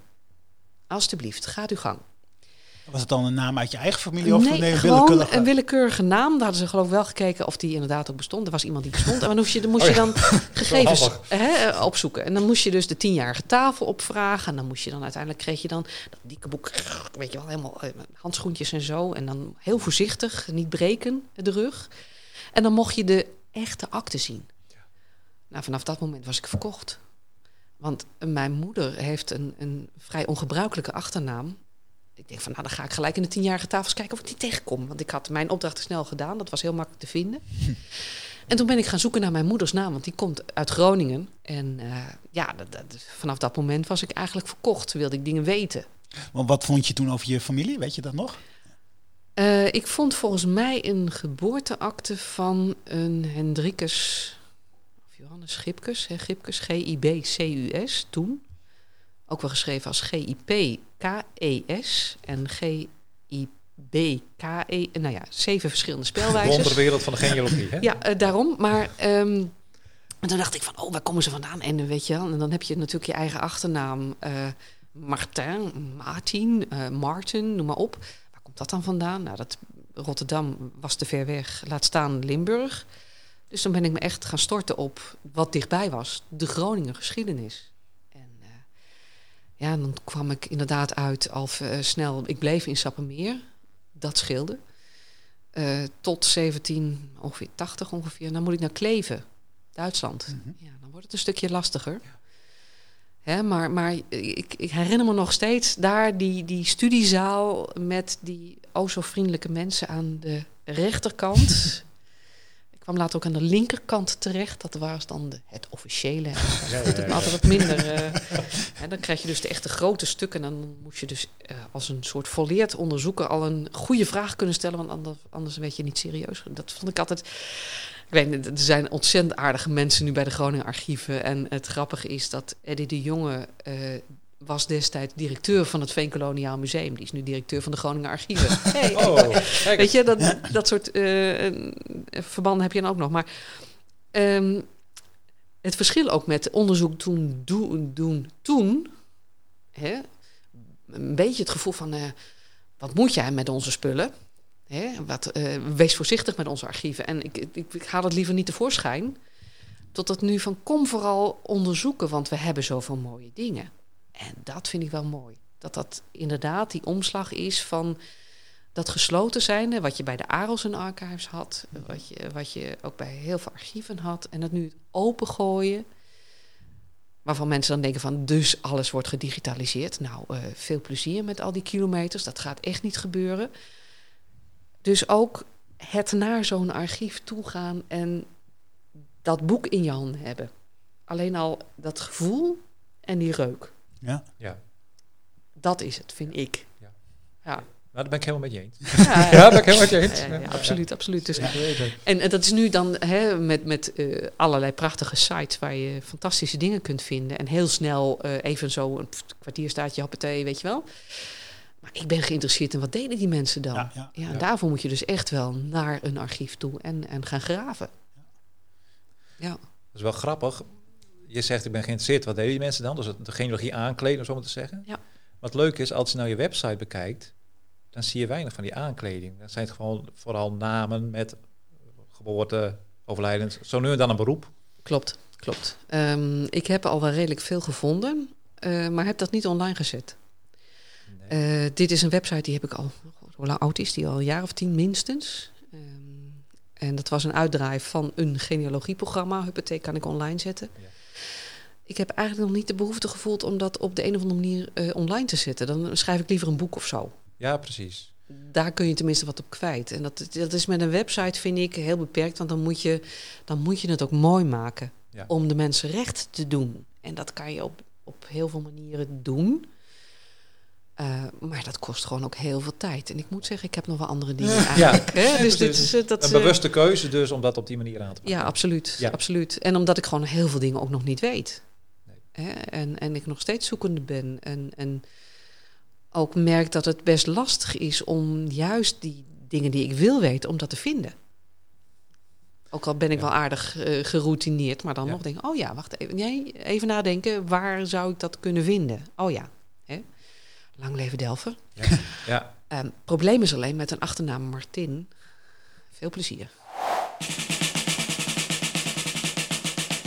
Ja, we horen een willekeurige tamboer. En dat heeft heel erg ook een link met jouw geschiedenis. Ja. Weet je dat ik niet eens meer weet wat de bron was waar ik het uit heb? Schande, schande. Ik heb het ooit een keer gevonden en ik blijf dat maar herhalen. Maar de eerste Martin die ik heb gevonden, Jean Martin, volgens mij, die was eh, tamboer in het leger van de prins van Hessen-Darmstadt. Dan moest ik altijd denken aan, eh, hoe heet het, hier op de Nijs met trompetten leger. eh, ja, ja, ja. maar ehm, ja, dus ergens eh, in al die oorlogen is dus mijn eerste Martin-voorvader vanuit Duitsland in het Maastrichtse verzeild geraakt. En daar met een echtgenote hangen eh, gebleven. En ehm, daar dus ook gestorven. Een hele familie gesticht. En dan loop je al gelijk tegen een heleboel dingen aan. Als je het hebt over begin eh 19e eeuw, eh, Franse tijd, Maastricht, eh, veel plezier. Hè, dus de Franse tellingen, Franse actes, eh, een begin van een burgerlijke stand. Eh, een naam die geschreven wordt als Marten, Martens en Martin. En het wordt Jean, Jan, Johannes. Eh, de bewijsvoering is soms ook heel lastig, omdat er dingen niet, niet zijn. Maar ehm, wat ik zo ongeveer kan reconstrueren, is dat hij inderdaad er is blijven hangen, maar wel een Duitse vrouw had. Dus hij kwam ergens uit een plaats in Hessen, Hessen-Darmstadt. En is dus als tamboer in het Maastrichtse verzeild geraakt. Waarschijnlijk was hij eh, slechtziend geworden of blind. En ehm, deed iets met touw, touwslager, leidekker. Ik kom verschillende beroepen ook wel tegen. En ehm, het grappige is dat Maastricht een soort, soort punt wordt waar families bij elkaar komen vanuit legers. Want kijkend naar de familie van mijn oma van moederskant, hè, dus gelijk nou, de, de moeder van mijn vader, die kwam uit Frankrijk en waarschijnlijk ook als soldaat in Maastricht. Dus je hebt de familie Martin, de familie Amaury. Vandaar dat ik dacht van, oh, de cognac of zo. Ja, ja, ja. Nee. Nou, überhaupt met je achternaam verwacht je natuurlijk dat er misschien een link is met Frankrijk. En dan beland je uiteindelijk in Duitsland. Ja, nou ja, ik dacht eh, mijn eerste Franse eh, eh, hè, eh, proefwerk op de middelbare school. Ik had een drie. Ik had nog nooit een onvoldoende gehad. ik denk, dat zit in de genen. Nou, niet dus. Ik bleek heel goed in, Du- in Duits te zijn. Je had, je had nooit gedacht met Martin, dat komt van Martiniplein. Nee, nee, nee. Nou ja, goed. Weet je, het, het is, het is eh, eh, natuurlijk op zich een naam die eh, in het noorden wat minder vaak voorkomt. En de Martins die er zijn, is vaak van een andere herkomst. Eh, dat is ook vaak eh, de gereformeerde tak. Of een gereformeerde familie. Ehm, terwijl ik dus stam uit een echt hele katholieke eh, familie. En ja, ik dacht, dat, dat is maar een Martin. Maar het is Martin, vrouw Martin. En dat je ontdekt dat als je kijkt naar mijn vier grootouders... dat ik dus eigenlijk voor driekwart buitenlander ben. Weliswaar twee, twee eeuwen terug, maar toch. Ja. Maar toch. Hè? En, en eh, dat dus dat voor heel veel Nederlanders het geval is. Dat gewoon eh, die multiculti-samenleving niet iets is van de laatste decennia... maar dat Nederland altijd dat al is geweest. Ja. Hè, dat dat de, de voorouders van mijn moederskant dus op de een of andere manier vanuit het Duitse kleven naar de veenkoloniën zijn gegaan om daar een nieuw bestaan op te bouwen. Ja. Ja. En dat eh, inderdaad eh, van dezelfde van mijn oma's kant dan eh, ook wel op het Groninger platteland ergens in de boot- buurt van Kloosterburen dan hun leven hebben opgebouwd. Maar dat komt dan op een gegeven moment bij elkaar. Ja. Hoewel ik in mijn familie heel lang heb moeten zoeken voordat ik een link vo- vond die leidde buiten de Groningen grenzen, zeg maar. Ik heb echt, kon, echt onlangs ontdekt via een stamboomonderzoeker dat de familie Nijmans, toevallig komt uit Kleinmeer, waar ook eh familie Ja. van jou vandaan komt, Ja. dat die uiteindelijk de roots hebben in Duitsland ook. Maar Ja. ik heb heel lang gedacht van, oh, we blijven in Groningen, Drenthe. Dat maakt, dat maakt onderzoek wel een stuk makkelijker. hè? Maar, eh. Tenminste, als je in de buurt woont, hè? Dat, dat wel. Maar eh, ja, over de grenzen onderzoek doen, dat wordt wel een stuk lastiger. Want wij zijn in Nederland wel ontzettend verwend hoor. Ja. Jongen, jongen, jongen. Absoluut. Ja. Wat je allemaal online kunt. En nou ja, sowieso wat er bewaard is gebleven. eh, de Dui- Duitse Kirchenbücher. En die misschien dan nog bij een pastoor in, eh, in de kast liggen. Wel of niet. Waar geen verplichting is om dat naar een archief te brengen. Of althans de gedachte alleen al om het ergens onder te brengen waar het wat veiliger is. Ja. Ja, dat, dat maakt het een stuk lastiger. Je zult mijn voorouders uit Engeland hebben. Oh, ook zo leuk. Ook zo leuk. Ja, ja, ja, ja, ja. Dan kom je nog eens ergens daar niet van. Nee, dat, dat, dat is de andere kant weer. Ja. Ja. Ja, ja, ik had natuurlijk met, met de Amerikant, daar is een keer inderdaad iemand eh, vanuit Frankrijk daar aan het zoeken geweest. Hè, Montigny-le-Grand. Eh, ergens in Noord-Frankrijk. Dus die heeft dat helemaal uitgezocht. En dat is ook redelijk betrouwbaar. Dus ik denk, oh, nou, mooi. Kom ik een heel eind terug.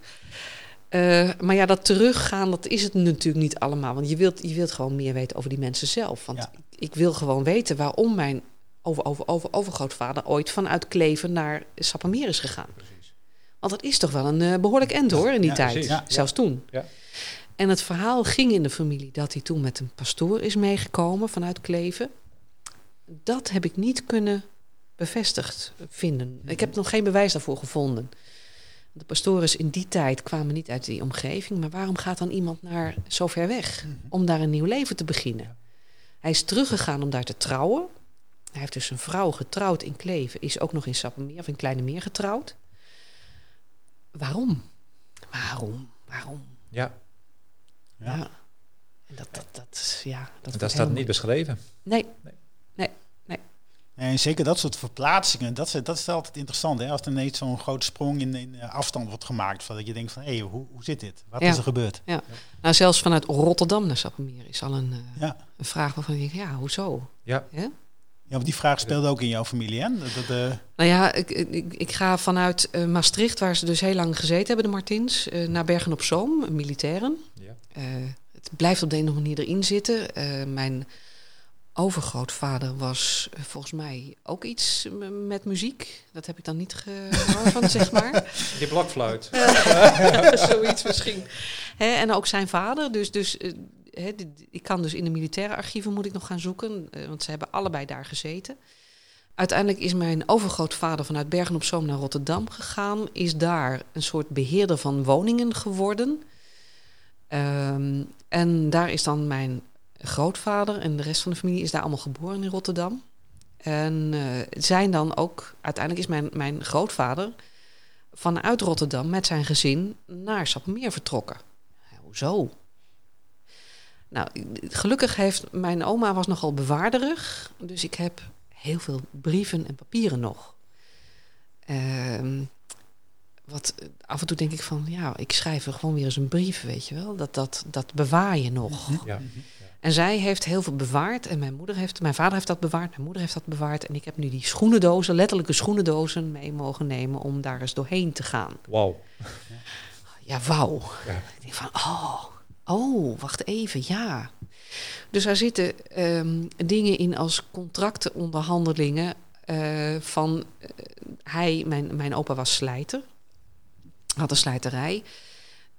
En eh, is dus vanuit Rotterdam blijkbaar naar Sappemeer gegaan om daar zelfstandig een slijterij te gaan draaien. Slijterij El Martin.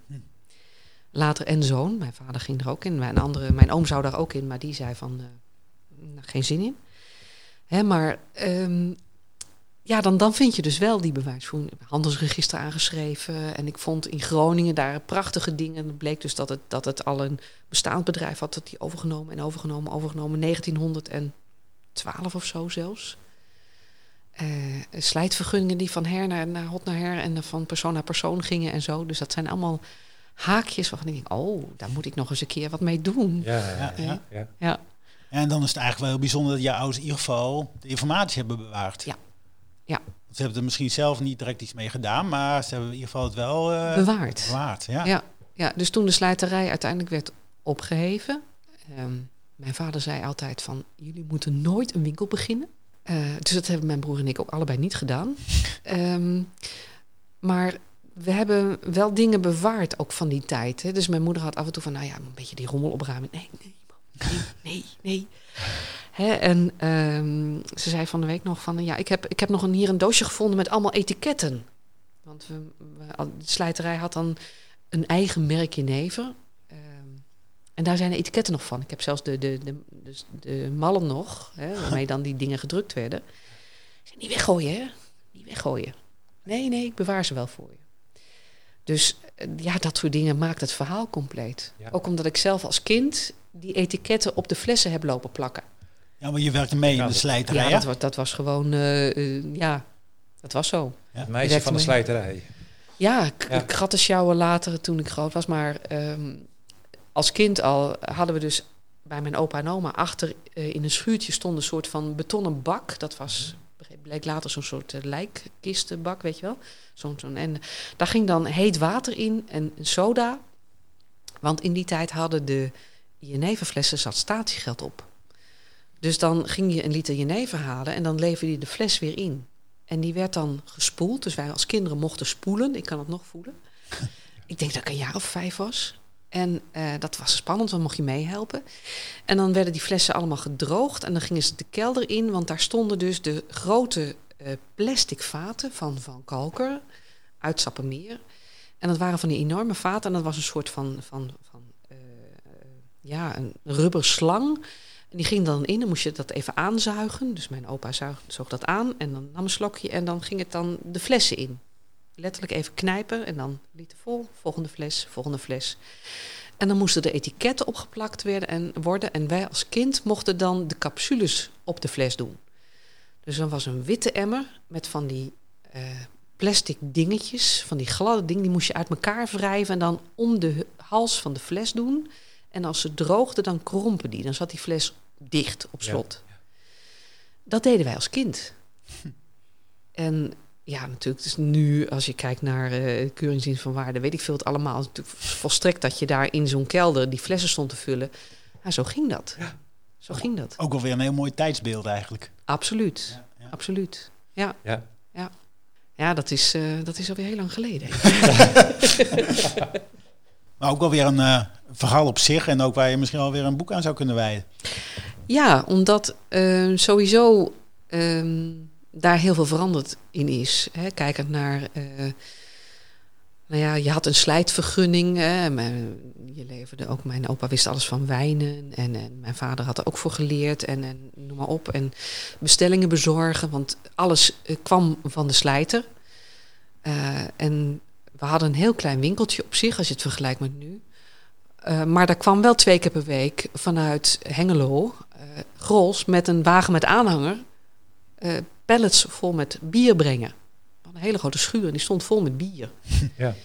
En mijn vader en hun knecht gingen dan ook met de auto en de aanhanger op pad om bestellingen te bezorgen. Kratten bier naar mensen thuis te brengen. Tot op een gegeven moment de, de supermarkten bier mochten gaan verkopen en wijn. Ja, en toen was het, dat was voor, voor heel veel slijterijen en ook die voor mijn, van mijn ouders, was dat een hele grote klap. Ja. Want daarmee raakte je zo'n enorme deel van je inkomsten kwijt, dat dat, eh, dat dat best wel lastig was, ja. Ja. ja. Je hebben je ouders toen nog iets anders daarnaast gedaan? Of? Ja, heel gek. Mijn vader is rijinstructeur geworden. Die eh, is nog eh, eh, op zijn veertigste heeft hij een carrière switch gemaakt. Ja. En is gaan kijken wat wil ik. En in die zin leken we wel heel erg veel op elkaar. Want hij vond het ook fantastisch om met jongelui in zijn auto op pad te zijn. Ik heb hem nog geholpen bij eh, eh, het leren voor zijn examen. Als, als ik slaag, dan krijg je van mij je rijbewijs. Dus ik heb nooit voor mijn rijbewijs eh, in die zin hoeven betalen. Dat Nee. tussendoor. Maar goed, als ik les had en iemand anders kon op mijn uur, dan ging die ander natuurlijk voor. Maar ik heb wel in één keer mijn rijbe- rijbewijs gehaald. Maar ehm, dat, dat vond hij fantastisch. Dat vond hij echt, dat was zijn lust en zijn leven. En hij kreeg ook uiteindelijk mensen die heel veel moeite hadden. Dus een soort van, van, van eh, examenangst of wat dan ook. En die wist hij op de een of andere manier rustig te krijgen. Oké. Ja, en ondertussen deed mijn moeder die slijterij nog. Ja. Ja. Dus eh, ja, ja. En dat, dat, dat met mensen omgaan, ja, dat, dat leer je dan in zo'n winkel heel vroeg. En blijkbaar zit dat er dan wel in, Ja. op de een of andere manier. Ja, Hij vond het dan ook heel leuk om met die jongeren te praten. en Ja, Ja, ja, ja, ja, ja. ja, Ja. absoluut, absoluut.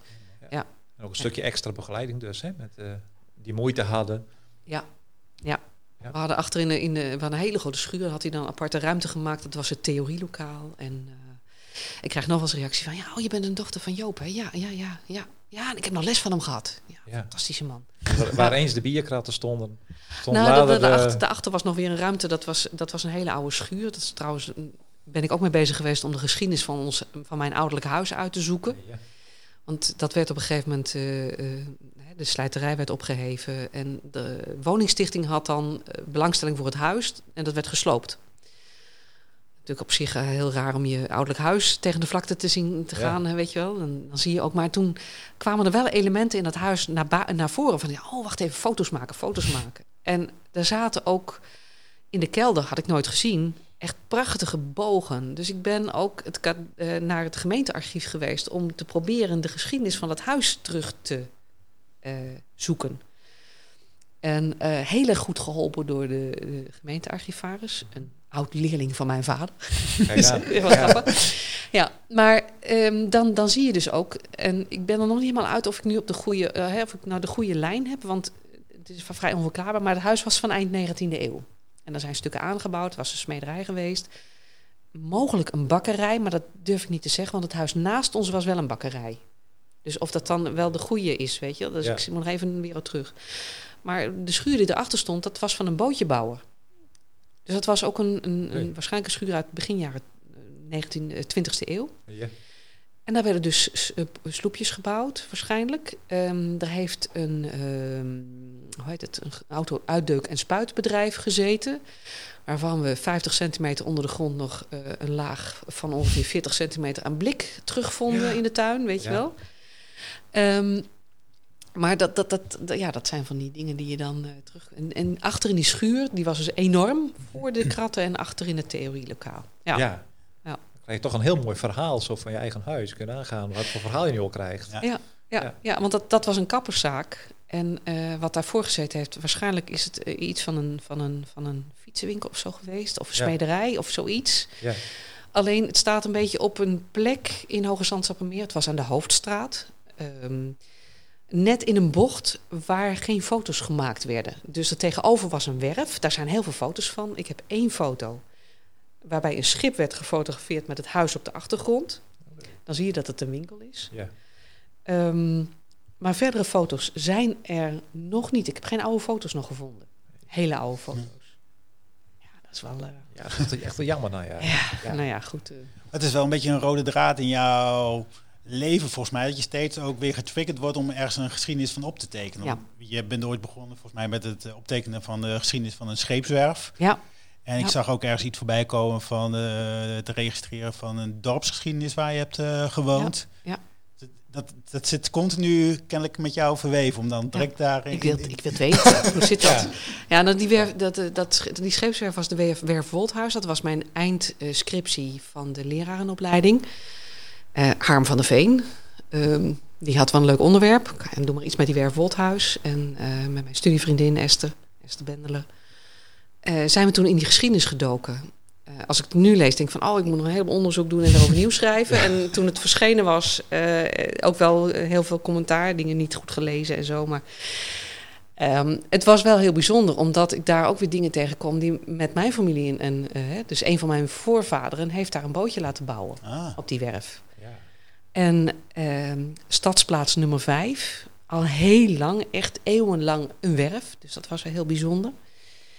Ja, en toch die veenkoloniën, dat, dat is toch wel ook een gebied waarvan je zegt dat heeft zo'n prachtige geschiedenis, die helaas op zoveel plekken gewoon echt uh, verrenoveerd is, om het zo maar te noemen. ja.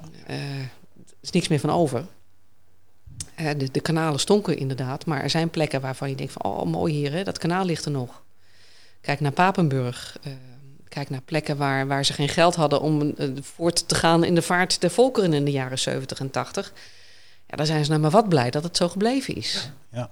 ja, ik moet er hoog nodig induiken, want ik ben er ook inderdaad achter gekomen dat mijn uh, vooral daar ook begint. In Hoge Zand en Sappemeer, Valtemond, nou die hoek. Ja. Dus ja, daar uh, moet ik me echt uh, nog wat meer in gaan begeven om juist die... Nou, ik heb de namen van de mensen die, de, die mijn voorouders zijn, maar om die verhalen kleur te geven, ja, dat is... En dat, dat maakt het juist bijzonder, hè? Ja. Dat, je, dat je dan denkt van, oh, hoe zat dat nou en waarom? En, en het verhaal dat mijn, een van mijn voorvaderen dus waarschijnlijk voor een van de heren tuinman is geweest. Hoezo? Hij was ook tapper. Dus waarschijnlijk iets met een kroeg, drank. Hey, waar ken ik dat van? Ja. Um, aan de andere kant, aan de Martin, oh nee, de Amory-kant zit ook nog weer een cabaretier, oftewel een kroeghouder, in het begin van de uh, 19e uh, eeuw. Dus op de een of andere manier komt dat leger komt steeds terug, die drank komt terug. Ja. en de muziek. En de muziek, ja. ik, ik denk van, oké, okay, ja, toch bijzonder ja, ja. Hoe, hoe dingen terugkomen. Ja, ja. ja dat, is, dat is altijd heel mooi om te zien. Ja, dan, en dat maakt het ook zo leuk om. Hè, en ik riep altijd tegen studenten van ik wil het woord leuk niet van je horen, want dat is zo algemeen. Maar dat, dat is het eigenlijk misschien ook het enige woord wat dat kan uh, ja.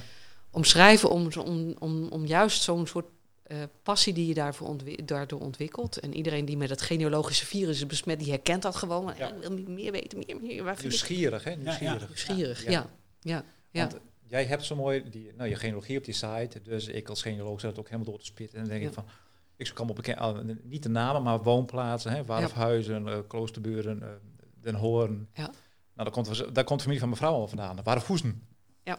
Dus zo van, hé, hey, dan zit je al, hé, hey, maar hoe heten ze dan? Heb ik dat ook ergens eh, kunnen vinden? Weet je wel, in de Ja. genealogie. Je begint altijd nieuwsgierig, nieuwsgierig, raakvlakken zoeken. Ja, je krijgt hele mooie Ja. verbindingen met elkaar. Want wat ik al zei, klein meer. Ik denk, hé, hey, oh, dat zit ook in mijn... eh, Ja. Ja, en dat heb je als genealoog toch. Die, Ja. die, die, die, eh, dat, dat triggert altijd. Ja, klopt. En Ja. dat maakt natuurlijk, hè, kijken naar wat, wat ik nu doe, dat- al die ervaringen en al die kennis, en dat komt gewoon op de een of andere manier nu bij elkaar. Ja, En ehm, ik moet ook ontzettend soms aan de verleiding weerstaan om dan inderdaad in die genealogie te duiken. Want dat is even nu, er zijn zoveel dingen die ik nu moet uitzoeken, dat dat even niet punt één is. Maar ik kan wel mensen helpen om dat te zoeken.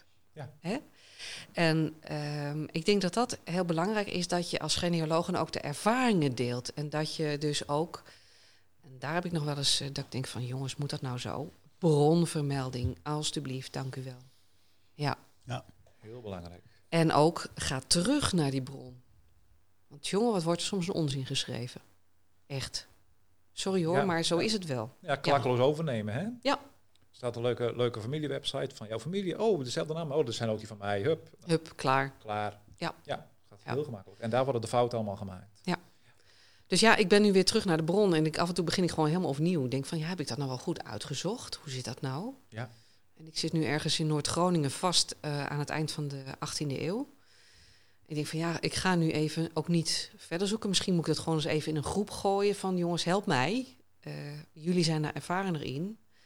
Ehm, en ik, ik, ik ben beter in andere dingen. Ja. Ja. Dus elkaar helpen, dat vind ik, dat vind ik sowieso hoor. Binnen, Ja, ja. binnen de genealogische gemeenschap, om het zo maar te noemen. Eh, is er toch ook heel veel eh, bereidheid om elkaar te helpen. ja, ja. dat is wel echt ook van de laatste jaren. Mhm. Want toen het in die tijd zat van alles zit op slot, had hij dan ook zo, ja, dat is mijn genealogie en eh, daar blijf je vanaf. Ja. En dat is van mij, dat heb ik uitgevonden. Mijn gegevens. Mijn gegevens. Ja. Ja. Ja. Klopt. Ja, gelukkig is het niet meer zo, grotendeels. Ja, ja. Maar goed, dan nog, dan, dan wil ik wel weten hoe betrouwbaar dingen zijn. Uiteraard. Dat is het, hè? Hoe betrouwbaar zijn dingen. We gaan nog even terug in de tijd. Mevrouw van Keulen, wat is eigenlijk een archief?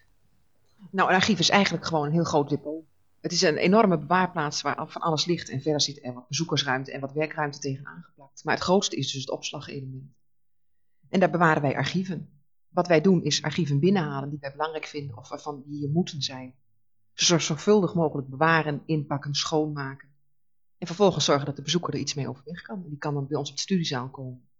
Daar gaan zitten, allerlei gidsjes en, en inhoudsoverzichten inkijken. En dan zien wat hij nodig heeft en zo zijn onderzoek op gang brengen. Wat een mooie vraag. Wat is een archief? Ja, ook mooi open vraag, hè? en ze geeft ook nog zo'n mooi antwoord ook. Ja, Jona van Keulen. Ja. Groningen Archieven. Eh, nog steeds. Ik kom er nog steeds. Komen we, eh, we kruist ons pad elkaar af en toe nog. Ja. Oh, bijzonder. En eh, dit is eh, voor Mignon, de jongere omroep van de AVRO. Waar ik toen ook voor geselecteerd ben als een van de jongelui die waarschijnlijk eh, iets van talent had en daar in Hilversum iets mocht doen. En wij hebben toen een, een uitzending gemaakt met een aantal mensen over genealogie. En dat was op Radio 5. Ehm, en eh, ik weet nog wel dat ze toen zeiden van... we hebben nog nooit zoveel telefoontjes gehad. Want er luisterde gewoon geen hond naar die uitzendingen. En toen in één keer hadden ze van... hé, hey, we hebben luisteraars, daar reageren mensen. En toen ben ik inderdaad bij het Groningen Archief wezen vragen... bij Jona, die toen eh, eh, vertelde... Heel veel, wat is nu eigenlijk een archief? Hoog stemmetje, hè? En eh, daar heb ik mijn reportage gemaakt over archieven en hoe je archiefonderzoek en genealogi- genealogisch onderzoek doet. Nou, dat is, dit is jaren tachtig en we zitten inmiddels fors wat jaren verder. En ja, ze zit nog steeds met een neus in archieven. Ja. ja. Ja, Ja, ja. Maar dat, dat is inderdaad, eh, dus die, die, je ziet ook die verschuiving van je komt naar de studiezaal en dan pak je een inventaris en dan ga je zoeken. En nu ga je naar archieven.nl of je gaat naar de site van het archief en je gaat even in de inventaris eh googlen, eh, zoeken. En, of je doet zelfs gewoon Google en dan kom je in de inventaris Ja, ja, terecht. ja, ja, en, ja. Ja, dan, dan, dan is daar gewoon wel een wereld van verschil. Dus ik ben ook heel benieuwd hoe dat uiteindelijk eh, over, over misschien 10, 20 jaar eruit ziet. Ja, want als je dit fragment hoort, dan is er inderdaad een eh, wereld veranderd. Inderdaad. Absoluut. Ja, Hoe snel gaat dat? Ja. Hoe snel gaat dat? Ook zo snel als het in die afgelopen jaren is gegaan, ik weet het niet. Dat vind ik, dat vind ik eigenlijk wel heel spannend ook. dat is het ook zeker. Vooral ook omdat natuurlijk nu ook ander archief gemaakt wordt in de vorm van wat wij nu doen bijvoorbeeld. Ja. Beeld- en geluidsfragmenten, dus audio en video. Ja. Wat weer een hele andere dimensie geeft aan, aan voorouderonderzoek. Want in één keer heb ik een filmpje. Ik heb een, een, een trouwfilm van mijn ouders uit 1961. Ja, dat is wel heel bijzonder. En, en, en ehm, dan, mijn vader filmde graag. En ik zie, ik zie hem nog op vakantie in, in Duitsland op de camping. En dan moesten we, kwamen vanaf de beek met onze vishengel. En zei hij, nee, even overnieuw hoor. en ik, nee, ik wil helemaal ik wil niet in beeld. En Zo. En dan zie je dat nu terug en denk je, oh wat leuk om Ja, dat terug te ja. zien. En toen vond ik het verschrikkelijk. Ja, dat, dat, maar dat is wel heel mooi. Hè? En, en, en nu is het natuurlijk helemaal, je pak je mobieltje en je maakt even een filmpje klaar. Ja. Om daar eh, in- dat enorme geïef nog weer eh, misschien voor latere generaties iets mee te kunnen. Ja, ik maak ook wel eens foto's en denk van ja, wie zal hier ooit nog eens naar kijken behalve ik? Ja, ja, Hè? Dat, is, dat is het Ja. ook natuurlijk. Hè? Want je maakt, je maakt ook heel veel. ja. ja, want dat vind ik nu wel lastig met mijn zoon bijvoorbeeld. Ik maak heel veel foto's van hem, maar hij moet er straks uiteindelijk ja, een selectie van maken. Of dat is Ja. echt zoveel informatie. Ja. Ja. Ja. eh, En, en ik heb dan inderdaad die paar fotootjes. eh, nou, gelukkig fotografeerde mijn familie graag. Zelfs al in voor, eh, want ik, ik kreeg een, eh, een anderhalf jaar geleden van een achter, achter, achternicht. Eh, die belde me van, ja, ik doe iets met de familie. hè? Ja, ik doe iets Ja, oké. Ja, ik ben toen ooit een keer we gaan verhuizen en ik heb hier nog een doos staan. En dat heb ik toen bij tante Henny. En ehm, wil jij dat hebben? Ik zei, nou ja, wat, wat is het? Ja, zij ze zijn negatieven. Negatieven, ja. Ja, glasne glasnegatieven. Dus ik ben naartoe gegaan en heel gezellig en we hebben nog steeds eh, contact. En die glasnegatieven blijken dus van de broer van mijn opa te zijn. Gemaakt ergens in de jaren 20, Rotterdam. Met prachtige foto's van mijn opa als kind. Dus ik vermoed zo eh, 1917 ongeveer, 1918. Ook van die, van die eh, wel geposeerde foto's. Maar ik herken mijn opa erin, want hij lijkt op mijn vader en hij lijkt op mijn broertje toen hij nog eh, kleiner was. Dus dat zijn van die mooie momenten. En ehm, ik heb er wel zoiets van, nou, hè, dat, dat gaat naar een archief. Want dat zijn gewoon hele waardevolle tijdsbeelden. Want ze hebben ook, hij heeft ook foto's gemaakt in Rotterdam zelf, van de markt. Waar ze woonden en wat plat gebombardeerd is Ja. Ja. van de oorlog. En eh één foto is nu ook eh, ingekleurd. hè. Mijn broer heeft ze helemaal prachtig eh, gedigitaliseerd. Echt de negatieve gefotografeerd. En eh, ze zijn heel scherp. Echt grote glasnegatieven. Dus loeischerp. Ingekleurd. Hé, hey, dat is Tante Marie, de non. Ja. die als, als meisje, ja, daar met, een- met haar broertje eh, erten aan het eh, sorteren is en zo. Jeetje. Ja, en dat zijn, dat zijn wel mooie dingen. Ja, Ja, dat is waardevol. En dan kijk ik weer naar, even naar mijn werk nu. En ik denk aan de fotoalbums die dan bij ons in het archief liggen, waarvan ik niet weet wie het zijn. En die ooit als, als waardevol document door mensen zijn vastgelegd.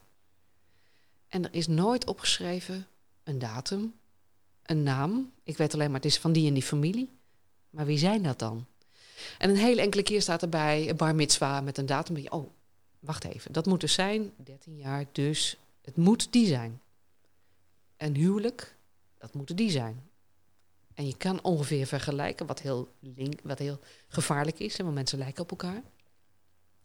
En denk van ja, Zijn jullie niet van plan om die albums te gaan digitaliseren en ze op het eh, internet te zetten, net zoals die albums van Nederlands-Indië volgens mij? Hebben ze dat Ja. ook gedaan? Ja, ja. Ehm, als je dan gaat kijken naar die families, dan is er gewoon helemaal niemand meer. Nee. Niemand. En dan zal er ook geen tijdgenoot meer zijn die ze gekend heeft. Want het is inmiddels 80 jaar geleden. Mhm. Dus dan heb je te maken met 80-plussers, om het zo maar te zeggen, die kind waren op het moment dat die foto's gemaakt zijn. Of eerder. Ja. Dus dan is het eigenlijk al. Dan moet het alweer uit verre familie iemand die dan vergelijkbare foto's heeft. Soms heb je geluk. Ja. Hè? Eh, ik blijf het een prachtig verhaal vinden. Ik kreeg een keer een foto van een dubbel huwelijk.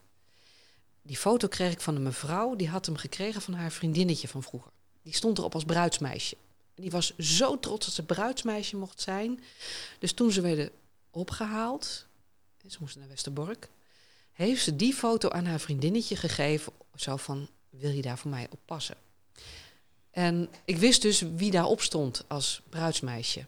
En ik wist een datum, dus ik ga zoeken. En ik kom dus namen tegen. En ik denk, die ene man, die komt me zo bekend voor, qua gezicht. En ik ga kijken en ik vind dus inderdaad een naam van een van die bruidegommen. Ook een opvallende man, omdat hij bijna een kop kleiner was dan zijn bruid. Ehm, het bleken dus twee zussen te zijn. En een van die zussen heeft overleefd. En ik had ook contact met die dochter. Die mij een foto van haar vader had gegeven. Die markante kop van die man. Ja. Die had ik in mijn hoofd. Dus toen ik, toen ik ging zoeken, toen dacht ik van... Ik ken hem ergens van. Dat is gek, hè? Maar dan heb je duizenden foto's en dan heb je toch nog zo'n gevoel... Ik ken die man ergens van. Ja. Dus toen ging ik inderdaad zoeken. En toen bleek dat dus inderdaad de huwelijksfoto te zijn van de ouders van die mevrouw... van wie ik een foto van haar vader had gekregen. En ik heb haar gemaild en gezegd van... eh, let op, ik weet niet of je hem hebt, schrik niet... maar ik heb hier een foto van jouw ouders, van een trouwfoto. Heb je die? En ze mailde terug, ik ben me kapot geschrokken, maar die heb ik niet. Dank je wel, wat fantastisch. En het bleek dus dat de twee bruidsjonkers in Australië nog leefden. Die hebben die foto ook gehad. Dus Ja. dankzij dat vriendinnetje uit Groningen, Ja. de provincie, die dat hier bracht. En het feit dat ik op de een of andere manier toch die, die, die, de gezichten kon combineren, kon je dus mensen blij maken met die foto. Ik heb nog steeds contact met haar. En ze heeft eh, inmiddels is er een boek verschenen over haar familie. En, en dus eh, eh, en ik mocht daarbij zijn toen de, de presentatie was. Dus dat er staan ontstaan ook met mensen die vragen stellen, soms hele bijzondere verhalen alleen al. Ja. En dat maakt het werk. Aan de ene kant heb je een droef verhaal. En aan de andere kant heb je soms momenten dat je denkt van yes, Ja. yes.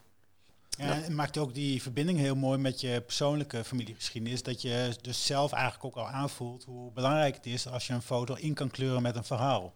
Absoluut, absoluut.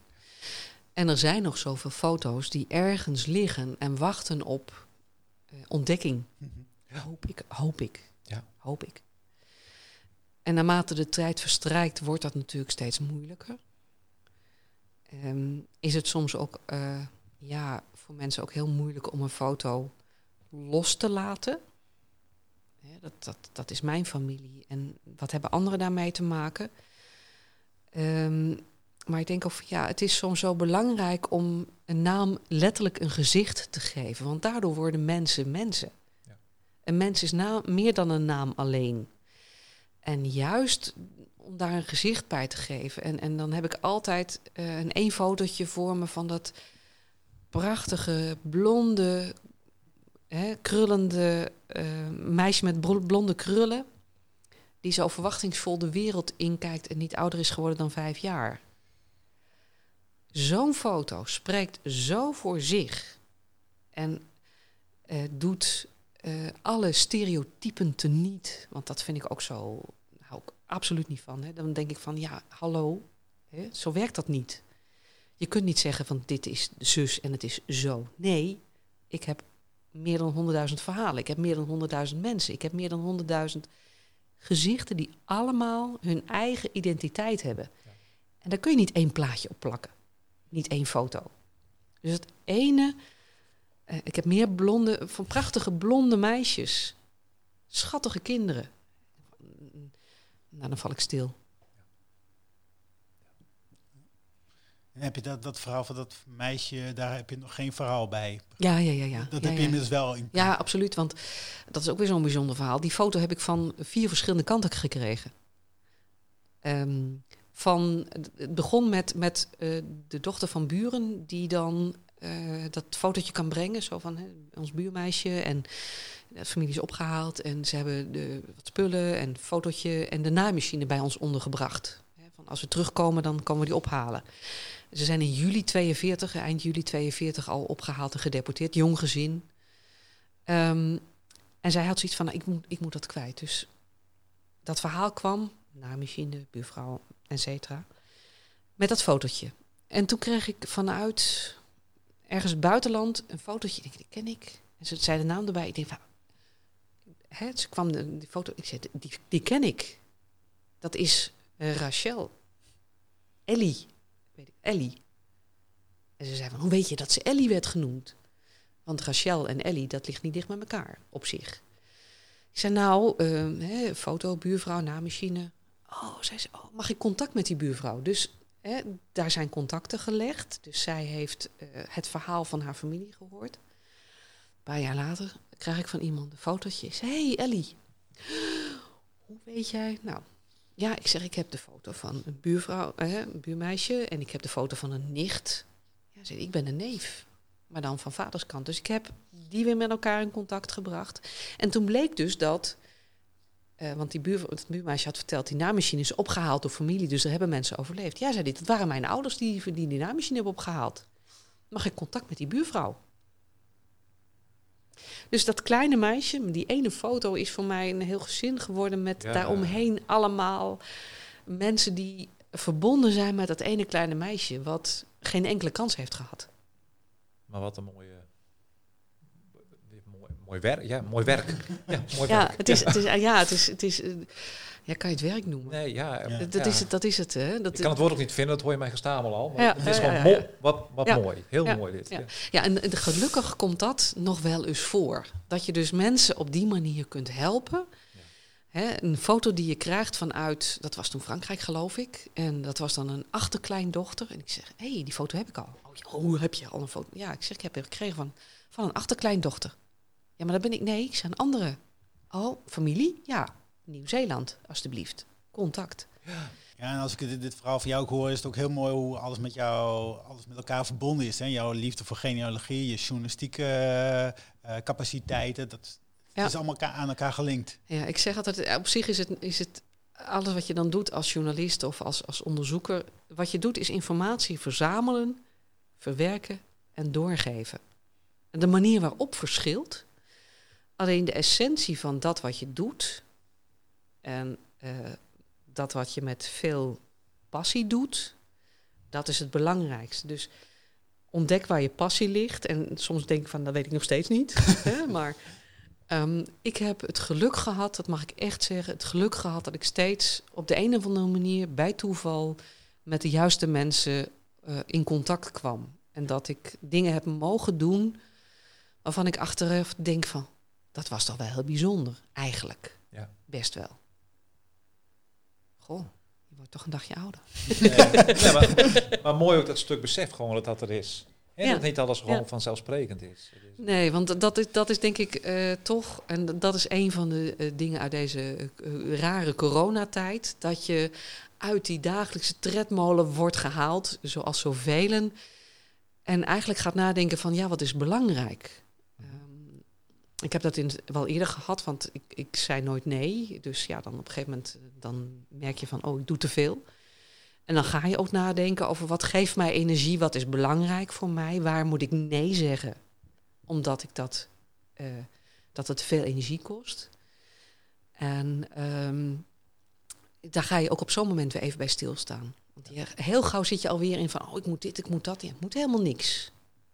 Ik moet helemaal niks. Dat wat voor mij en mijn, de mensen om mij heen belangrijk is, dat is waar het om draait. Respect, luisteren, in hun waarde laten. Dat zijn voor mij echt dingen waarvan ik denk, ja, dat, dat is gewoon iets eh, waar ik eh, voor sta en niet omheen kan. Heb je dat meegekregen ook? Eh, ik denk het wel, ja. ja. Ehm, het grappige was, mijn vader zei altijd, eh, ja, de klant is koning, maar ik ben de keizer. dat, dat vergeet je natuurlijk ook nooit weer. Dus eh was ook wel een, eh, een eh? Maar ja, je was, je was wel gewend om met mensen om te gaan en naar mensen te luisteren. En, en eh, bij de bejaardenomroep met oudere mensen om te gaan. Op de een of andere manier zit dat er gewoon in. Ehm, ik denk dat je daar toch ook vanuit huis wel het een of ander van meekrijgt. Ja, absoluut. Ja, eh, waar je opgroeit, dat krijg je mee. Zo, wo- je wordt gevormd door je omgeving. Ja. Eh, er zit ook een heleboel in de genen, oké, geef ik toe. Maar je krijgt ook dingen gewoon vanuit huis mee. Ja, Misschien is het wel iets heel iets moois wat samenvalt uit al die verschillende culturen. ja wie weet. Uiteindelijk. Wie weet. Ja. Ja. Ja, Zo'n eh, Frans-Duits-Gronings eh Ja, mixje kijk, dan, dan, krijgen, dan, krijgen we, dan krijgen we José. Ja, zoiets, ja, Joha- Johanna. Ja. Ja. Ik wil nog heel kort even terug naar eh, ehm, ja, hoe je onderzoek doet in archieven. Kijk, we hebben heel veel luisteraars die ook eh, beginnend zijn en worstelen met van hoe kom ik nou verder in, eh, in mijn zoektocht. Wat, wat, zou wat zou jij ze aanraden? Wa- waar begin je en hoe kom je een stap verder? Ehm, het is heel erg belangrijk om bij onderzoek vooral je te realiseren wat hebben mensen gedaan en waar wordt dat dan in vastgelegd. Hè? Dus als je het hebt over eh, burgerlijke stand is inmiddels heel simpel. Sites als Wie was Wie, Open Arg, prachtig. Eh, maar mensen zijn meer dan geboren worden, trouwen en sterven. En wat is daartussenin gebeurd? Eh, en waar vind ik dat dan ook? Ik ben echt een enorme fan van Delver. Eh, Hè, waar ik dan mijn opa in één keer terugvind als getuige in een proces eh, voor het Hoge Rechts of het gerechtshof in Leeuwarden. Ja. Hij heeft ooit een keer iemand voor een motorfiets weggetrokken in de jaren dertig en dan moest hij dan verklaren en zo. Ja, dat, dat soort dingen, dat geeft mensen body. Dus kijk ook op die manier. Ga eens in, in niet alleen eh, kijken bij wie was wie en zo snel mogelijk terug en zoveel mogelijk namen. Nee, ga ook eens terug naar zo'n gezin. Waar woonden ze dan? Eh, wat was dat voor huis? En wat voor werk deden ze? En wat voor opleiding hebben ze gedaan? En, en zijn daar ergens nog bewijzen van te vinden? Hebben ze een diploma gekregen? Was er een diploma-uitreiking? Mijn opa voetbalde. Hè, dus die zat bij eh, HSC ge- volgens mij. Daar vind ik hem dan ook terug. Ehm, mijn opa en voetballen, ik kan me dat niet voorstellen, maar goed, hij heeft het wel gedaan, weet je. Dus, dus eh, dat beeld wat je ook hebt van je eigen familie, ehm, kijkend naar, naar je ouders, die zijn ook jong geweest, net als je zelf jong bent geweest. En mijn opa en oma dus ook, en die mensen zijn ook allemaal jong geweest. En dat heeft zijn sporen nagelaten ergens in hun archief. Dus als je een winkel hebt, handelsregister, eh, kadaster. Kijk gewoon van wat hebben mensen gedaan en in wat voor soort archieven heeft dat zijn sporen nagelaten. Dus je moet eigenlijk al archiefonderzoek doen naar archieven. En niet zozeer direct gaan duiken in een archief. Maar echt nadenken van oké, als ik dit specifieke onderdeeltje van iemands leven zoek, in welk archief moet ik dan kijken? Waar vind ik dat? En echt niet proberen daar een naam in te vullen en dan kijken of er iets oppopt. Nee, dan moet je naar het archief toe, want dat soort dingen is meestal dus niet gedigitaliseerd. Alhoewel er soms een prachtige service wordt verleend waarbij het voor jou even gescand wordt en je krijgt de pdf opgestuurd. Hiep, hoi. Ja, ja. Daar ben ik helemaal blij van. Dat scheelde me weer een eh, reisje Rotterdam eh, en zo, of Den Haag was het. Maar ja, de- dat, dat is wel ehm, aan de ene kant, eh, ik mag nog heel graag naar een archief en gewoon tijd steken en energie en moeite in onderzoek. Ja. Tijd. Probeer het niet allemaal in één dag af te ronden. Nee. Ik heb nog steeds dat ik denk van, oh, moet ik nou eigenlijk wel weer opnieuw beginnen? Want ik ben dingen misschien vergeten. Hè? Dus, dus ehm, ik ben nu ook bezig met, met een genealogieprogramma wat uitgaat van de bronnen. Dus ik moet eigenlijk wel helemaal overnieuw beginnen. Want wat had ik aan bronnen ook alweer? Naast die doos die ik ook kan gebruiken. Aan bitprintjes en brieven en weet ik veel wat allemaal. En hoe heet dit programma? Ehm, dan ben ik maar weer kwijt. Centuri. Centurial. Ja, ja Centurial. Nieuw, nieuw genealogieprogramma. Ja, dat is, dat is redelijk nieuw. Volgens mij ehm, inmiddels een jaar of twee, drie zijn ze er nou mee bezig. Ik ben, ik ben een tijd geleden er gewoon puur bij toeval tegenaan gelopen. En dacht van, ja, oké, ja, pff, weer zo'n genealogie. Ik heb van alles al geprobeerd. Hè? Altver, Haza, noem maar op. Eh, legacy. Iedere keer dacht ik van, ja, ik mis iets. En deze gaat uit van, ja, ik moet eerst een bron hebben en die kan ik erin zetten. En dan haalt hij daar die informatie uit. Dus zonder bron begin je niks. En je hebt heel gauw de neiging van, oh, ik moet gauw in naam invullen en dan de ouders. En dan, nee, ik moet nu helemaal bij die persoon blijven om die hele persoon letterlijk aan te kleden met bronnen. En dat werp je helemaal terug naar het begin. Oké, dus ik moet een geboorteakte hebben en ik moet een huwelijksakte hebben. En misschien heb ik wel huwelijkse bijlagen en ik moet een overlijdensakte opzoeken van één persoon.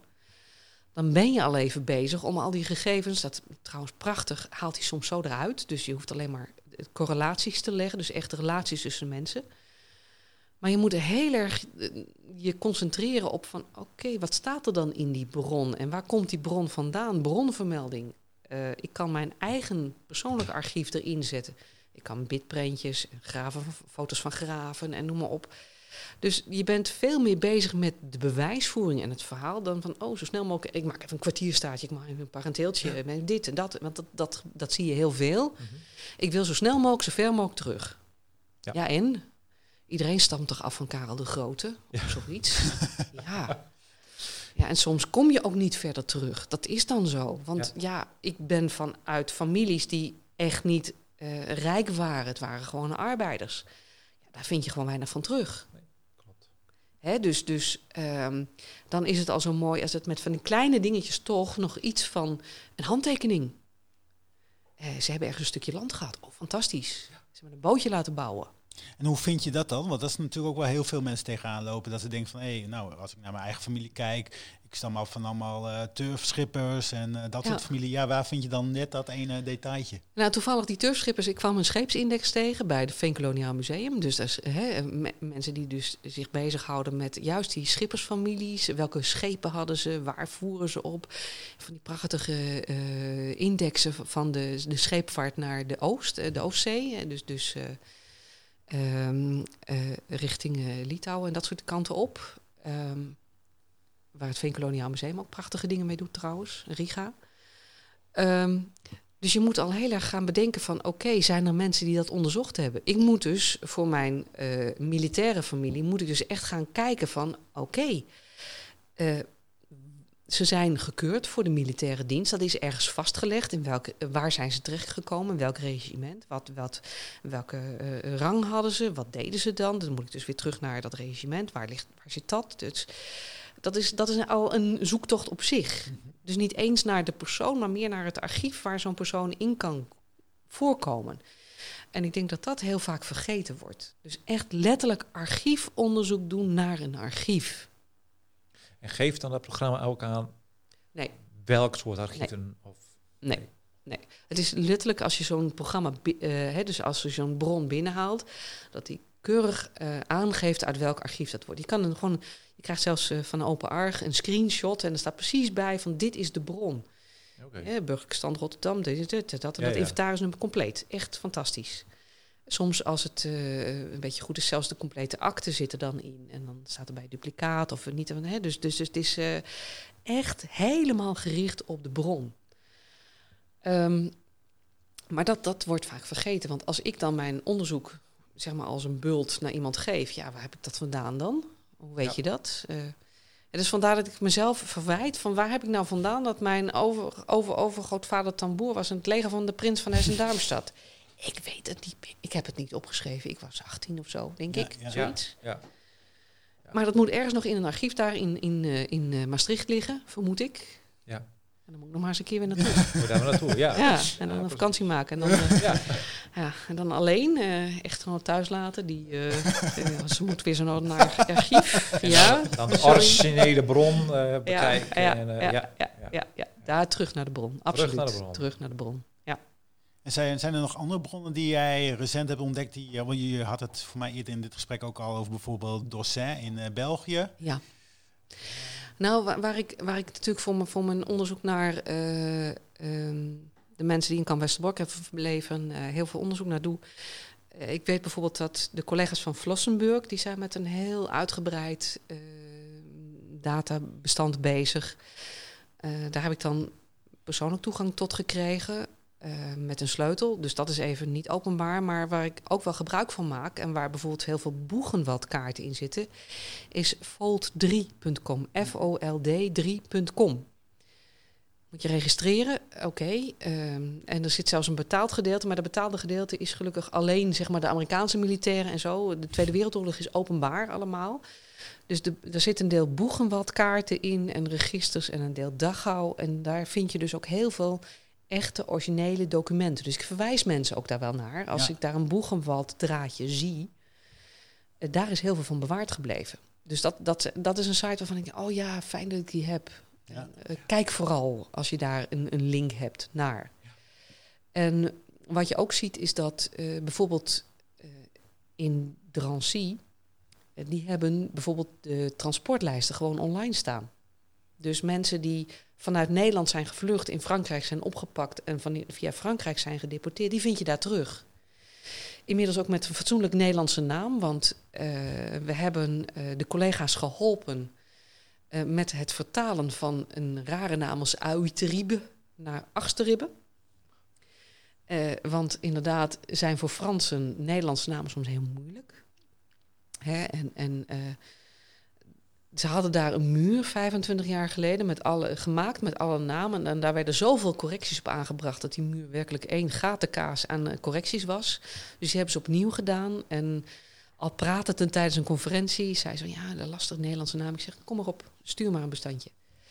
dus een vrijwilligster is daar uh, heel lang mee bezig geweest om dat uit te zoeken, om die namen te corrigeren. Dus meneer Achterribbe staat er nu als Achterribbe ook op. En niet meer Auteribe of zoiets maar dat is ook zo'n zo'n site. Uh, ook al ken je niet, uh, is Frans een beetje een lastige taal. Het is wel een prachtige bron om daar ook gewoon te zoeken. Memorial de la Shoah. Doen. Uh, Bundesarchief, Gedenkboek online, staat inmiddels ook heel veel informatie op. Aanvullende informatie behalve dan overlijdensakte. Nou, Arelsen kijk verder dan alleen de eerste rij, maar ga ook naar beneden, want soms zit er nog een iets van documenten onder. dus bovenin komen bijvoorbeeld de Joodse raadkaarten. Scroll even naar beneden om te kijken of daar misschien nog iets zit. Want dat zie je niet direct als je op een klein schermpje kijkt, maar daaronder zitten ook soms nog documenten. En daar komt nog steeds meer bij. Dus uh, nou ja, het Washem is heel druk bezig. Er zijn heel veel uh, Joodse genealogie-sites waar ook gewoon mensen met elkaar in contact komen. En waarvan ik weet dat, dat, dat ook families bereid zijn om. Hè, ik, ik hoorde van een collega uit België dat iemand daar een, een, oproep heeft geplaatst van: Goh, weet je misschien, uh, hebben jullie misschien foto's? En dan komen dan gelijk meer foto's uit. In België is het zo dat daar heel veel documenten bewaard zijn gebleven. Soms zelfs de, zelfs de, de documenten die mensen inleverden voordat ze op transport gingen. Enveloppen. Allemaal gedigitaliseerd ook. En uh, als je een mailtje stuurt naar de uh, lieve collega's daar, dan uh, krijg je daar ook absoluut toegang tot. Hè? Ze helpen, net als wij. Ja. En eh, juist dat levert dan echt verhalen op. Van, oh ja, oh ja. En ook eh, inmiddels onderzoeksvragen waar we mee aan de slag willen. Ehm, we weten nu dat er één transport is geweest dat vanuit Mechelen via Assen achter de trein vanuit Westerbork naar Auschwitz is gegaan. Waarom? Er zijn mensen vanuit Maastricht naar Mechelen gegaan en niet naar Vught en Westerbork. Er zijn mensen vanuit Brussel naar Westerbork gebracht en gedeporteerd. Uh, er zijn mensen vanuit hier naar Brussel gebracht, naar Doussin. Hè? Hoezo? Ja. Um, dus als je vraagt van heb je nog wat te doen de komende tijd, dan is mijn antwoord volmondig Ja. ja. Nog veel vragen te stellen en nog veel verhalen te vertellen. Absoluut. Ja. Absoluut. Ja. En wat is de belangrijkste vraag die je nog hebt in je persoonlijke eh, zoektocht? Ehm, waar ligt na Naastetten? Naagsteden. Waar komt de familie Martin nou precies vandaan? De familie Martin. Waar komen ze nou precies vandaan? Ja. Want ik wil eigenlijk wel nog kijken of ik nog een beetje, beetje terug kan. Ja, graag. Ten slotte, de vraag aan iedereen. Waarom zal je beginnen met eh, het eh, onderzoek naar je oervrouw? Ja, ergens zou ik zeggen niet doen, want eh, dan heb je een verslaving erbij. Ehm, maar het geeft ook een goed beeld van eh, wie je zelf bent. Hè? En, en eh, soms zie je mensen zoeken van ja, ik moet een bekende eh, voorouder hebben, maar ehm, kijk maar eens gewoon naar verborgen verleden. En kijk maar eens wat voor soms hele bijzondere kleine verhalen. Dat wordt natuurlijk allemaal voorbereid en in scène gezet. Zo, zo makkelijk is het echt niet, absoluut niet. Maar het geeft je wel een idee van wat voor verrassingen en wat voor prachtige verhalen je soms tegenkomt. Waarvan je niet wist dat ze verborgen waren in archieven. En echt, ze zijn er. Gewoon gaan zoeken. Gewoon doen. En soms kom je dan José Martin ook tegen in verborgen verleden. Ja, sorry hoor. Ja. ja, ja. Tot zover deze aflevering van Mijn Oerverhaal. Met grote dank aan José Martin voor het delen van haar verhaal. Denk je haar te kunnen helpen in haar zoektocht naar haar oerverhaal? Schroom dan niet om contact te zoeken met ons. Stuur je antwoorden, vragen, tips via een audiobericht in via WhatsApp of met een dictafoon op de telefoon en stuur hem naar 06 411 05 384. En wie weet hoor jij jezelf terug in mijn oerverhaal. Verder wijzen we je ook graag op onze website www.mijnoerverhaal.nl Ten slotte stellen wij het zeer op prijs als je onze podcast wilt delen met je ouders, grootouders, neven, nichten, oudooms en tantes of een recensie wil achterlaten in iTunes. Daarmee help je ons om nog meer mensen kennis te laten maken met onze podcast. Hou voor de volgende aflevering van Mijn Oerverhaal onze Facebook, Twitter en Instagram pagina in de gaten. Of neem een kijkje op www.mijnoerverhaal.nl Tot heel snel. Ontjen. Hoi!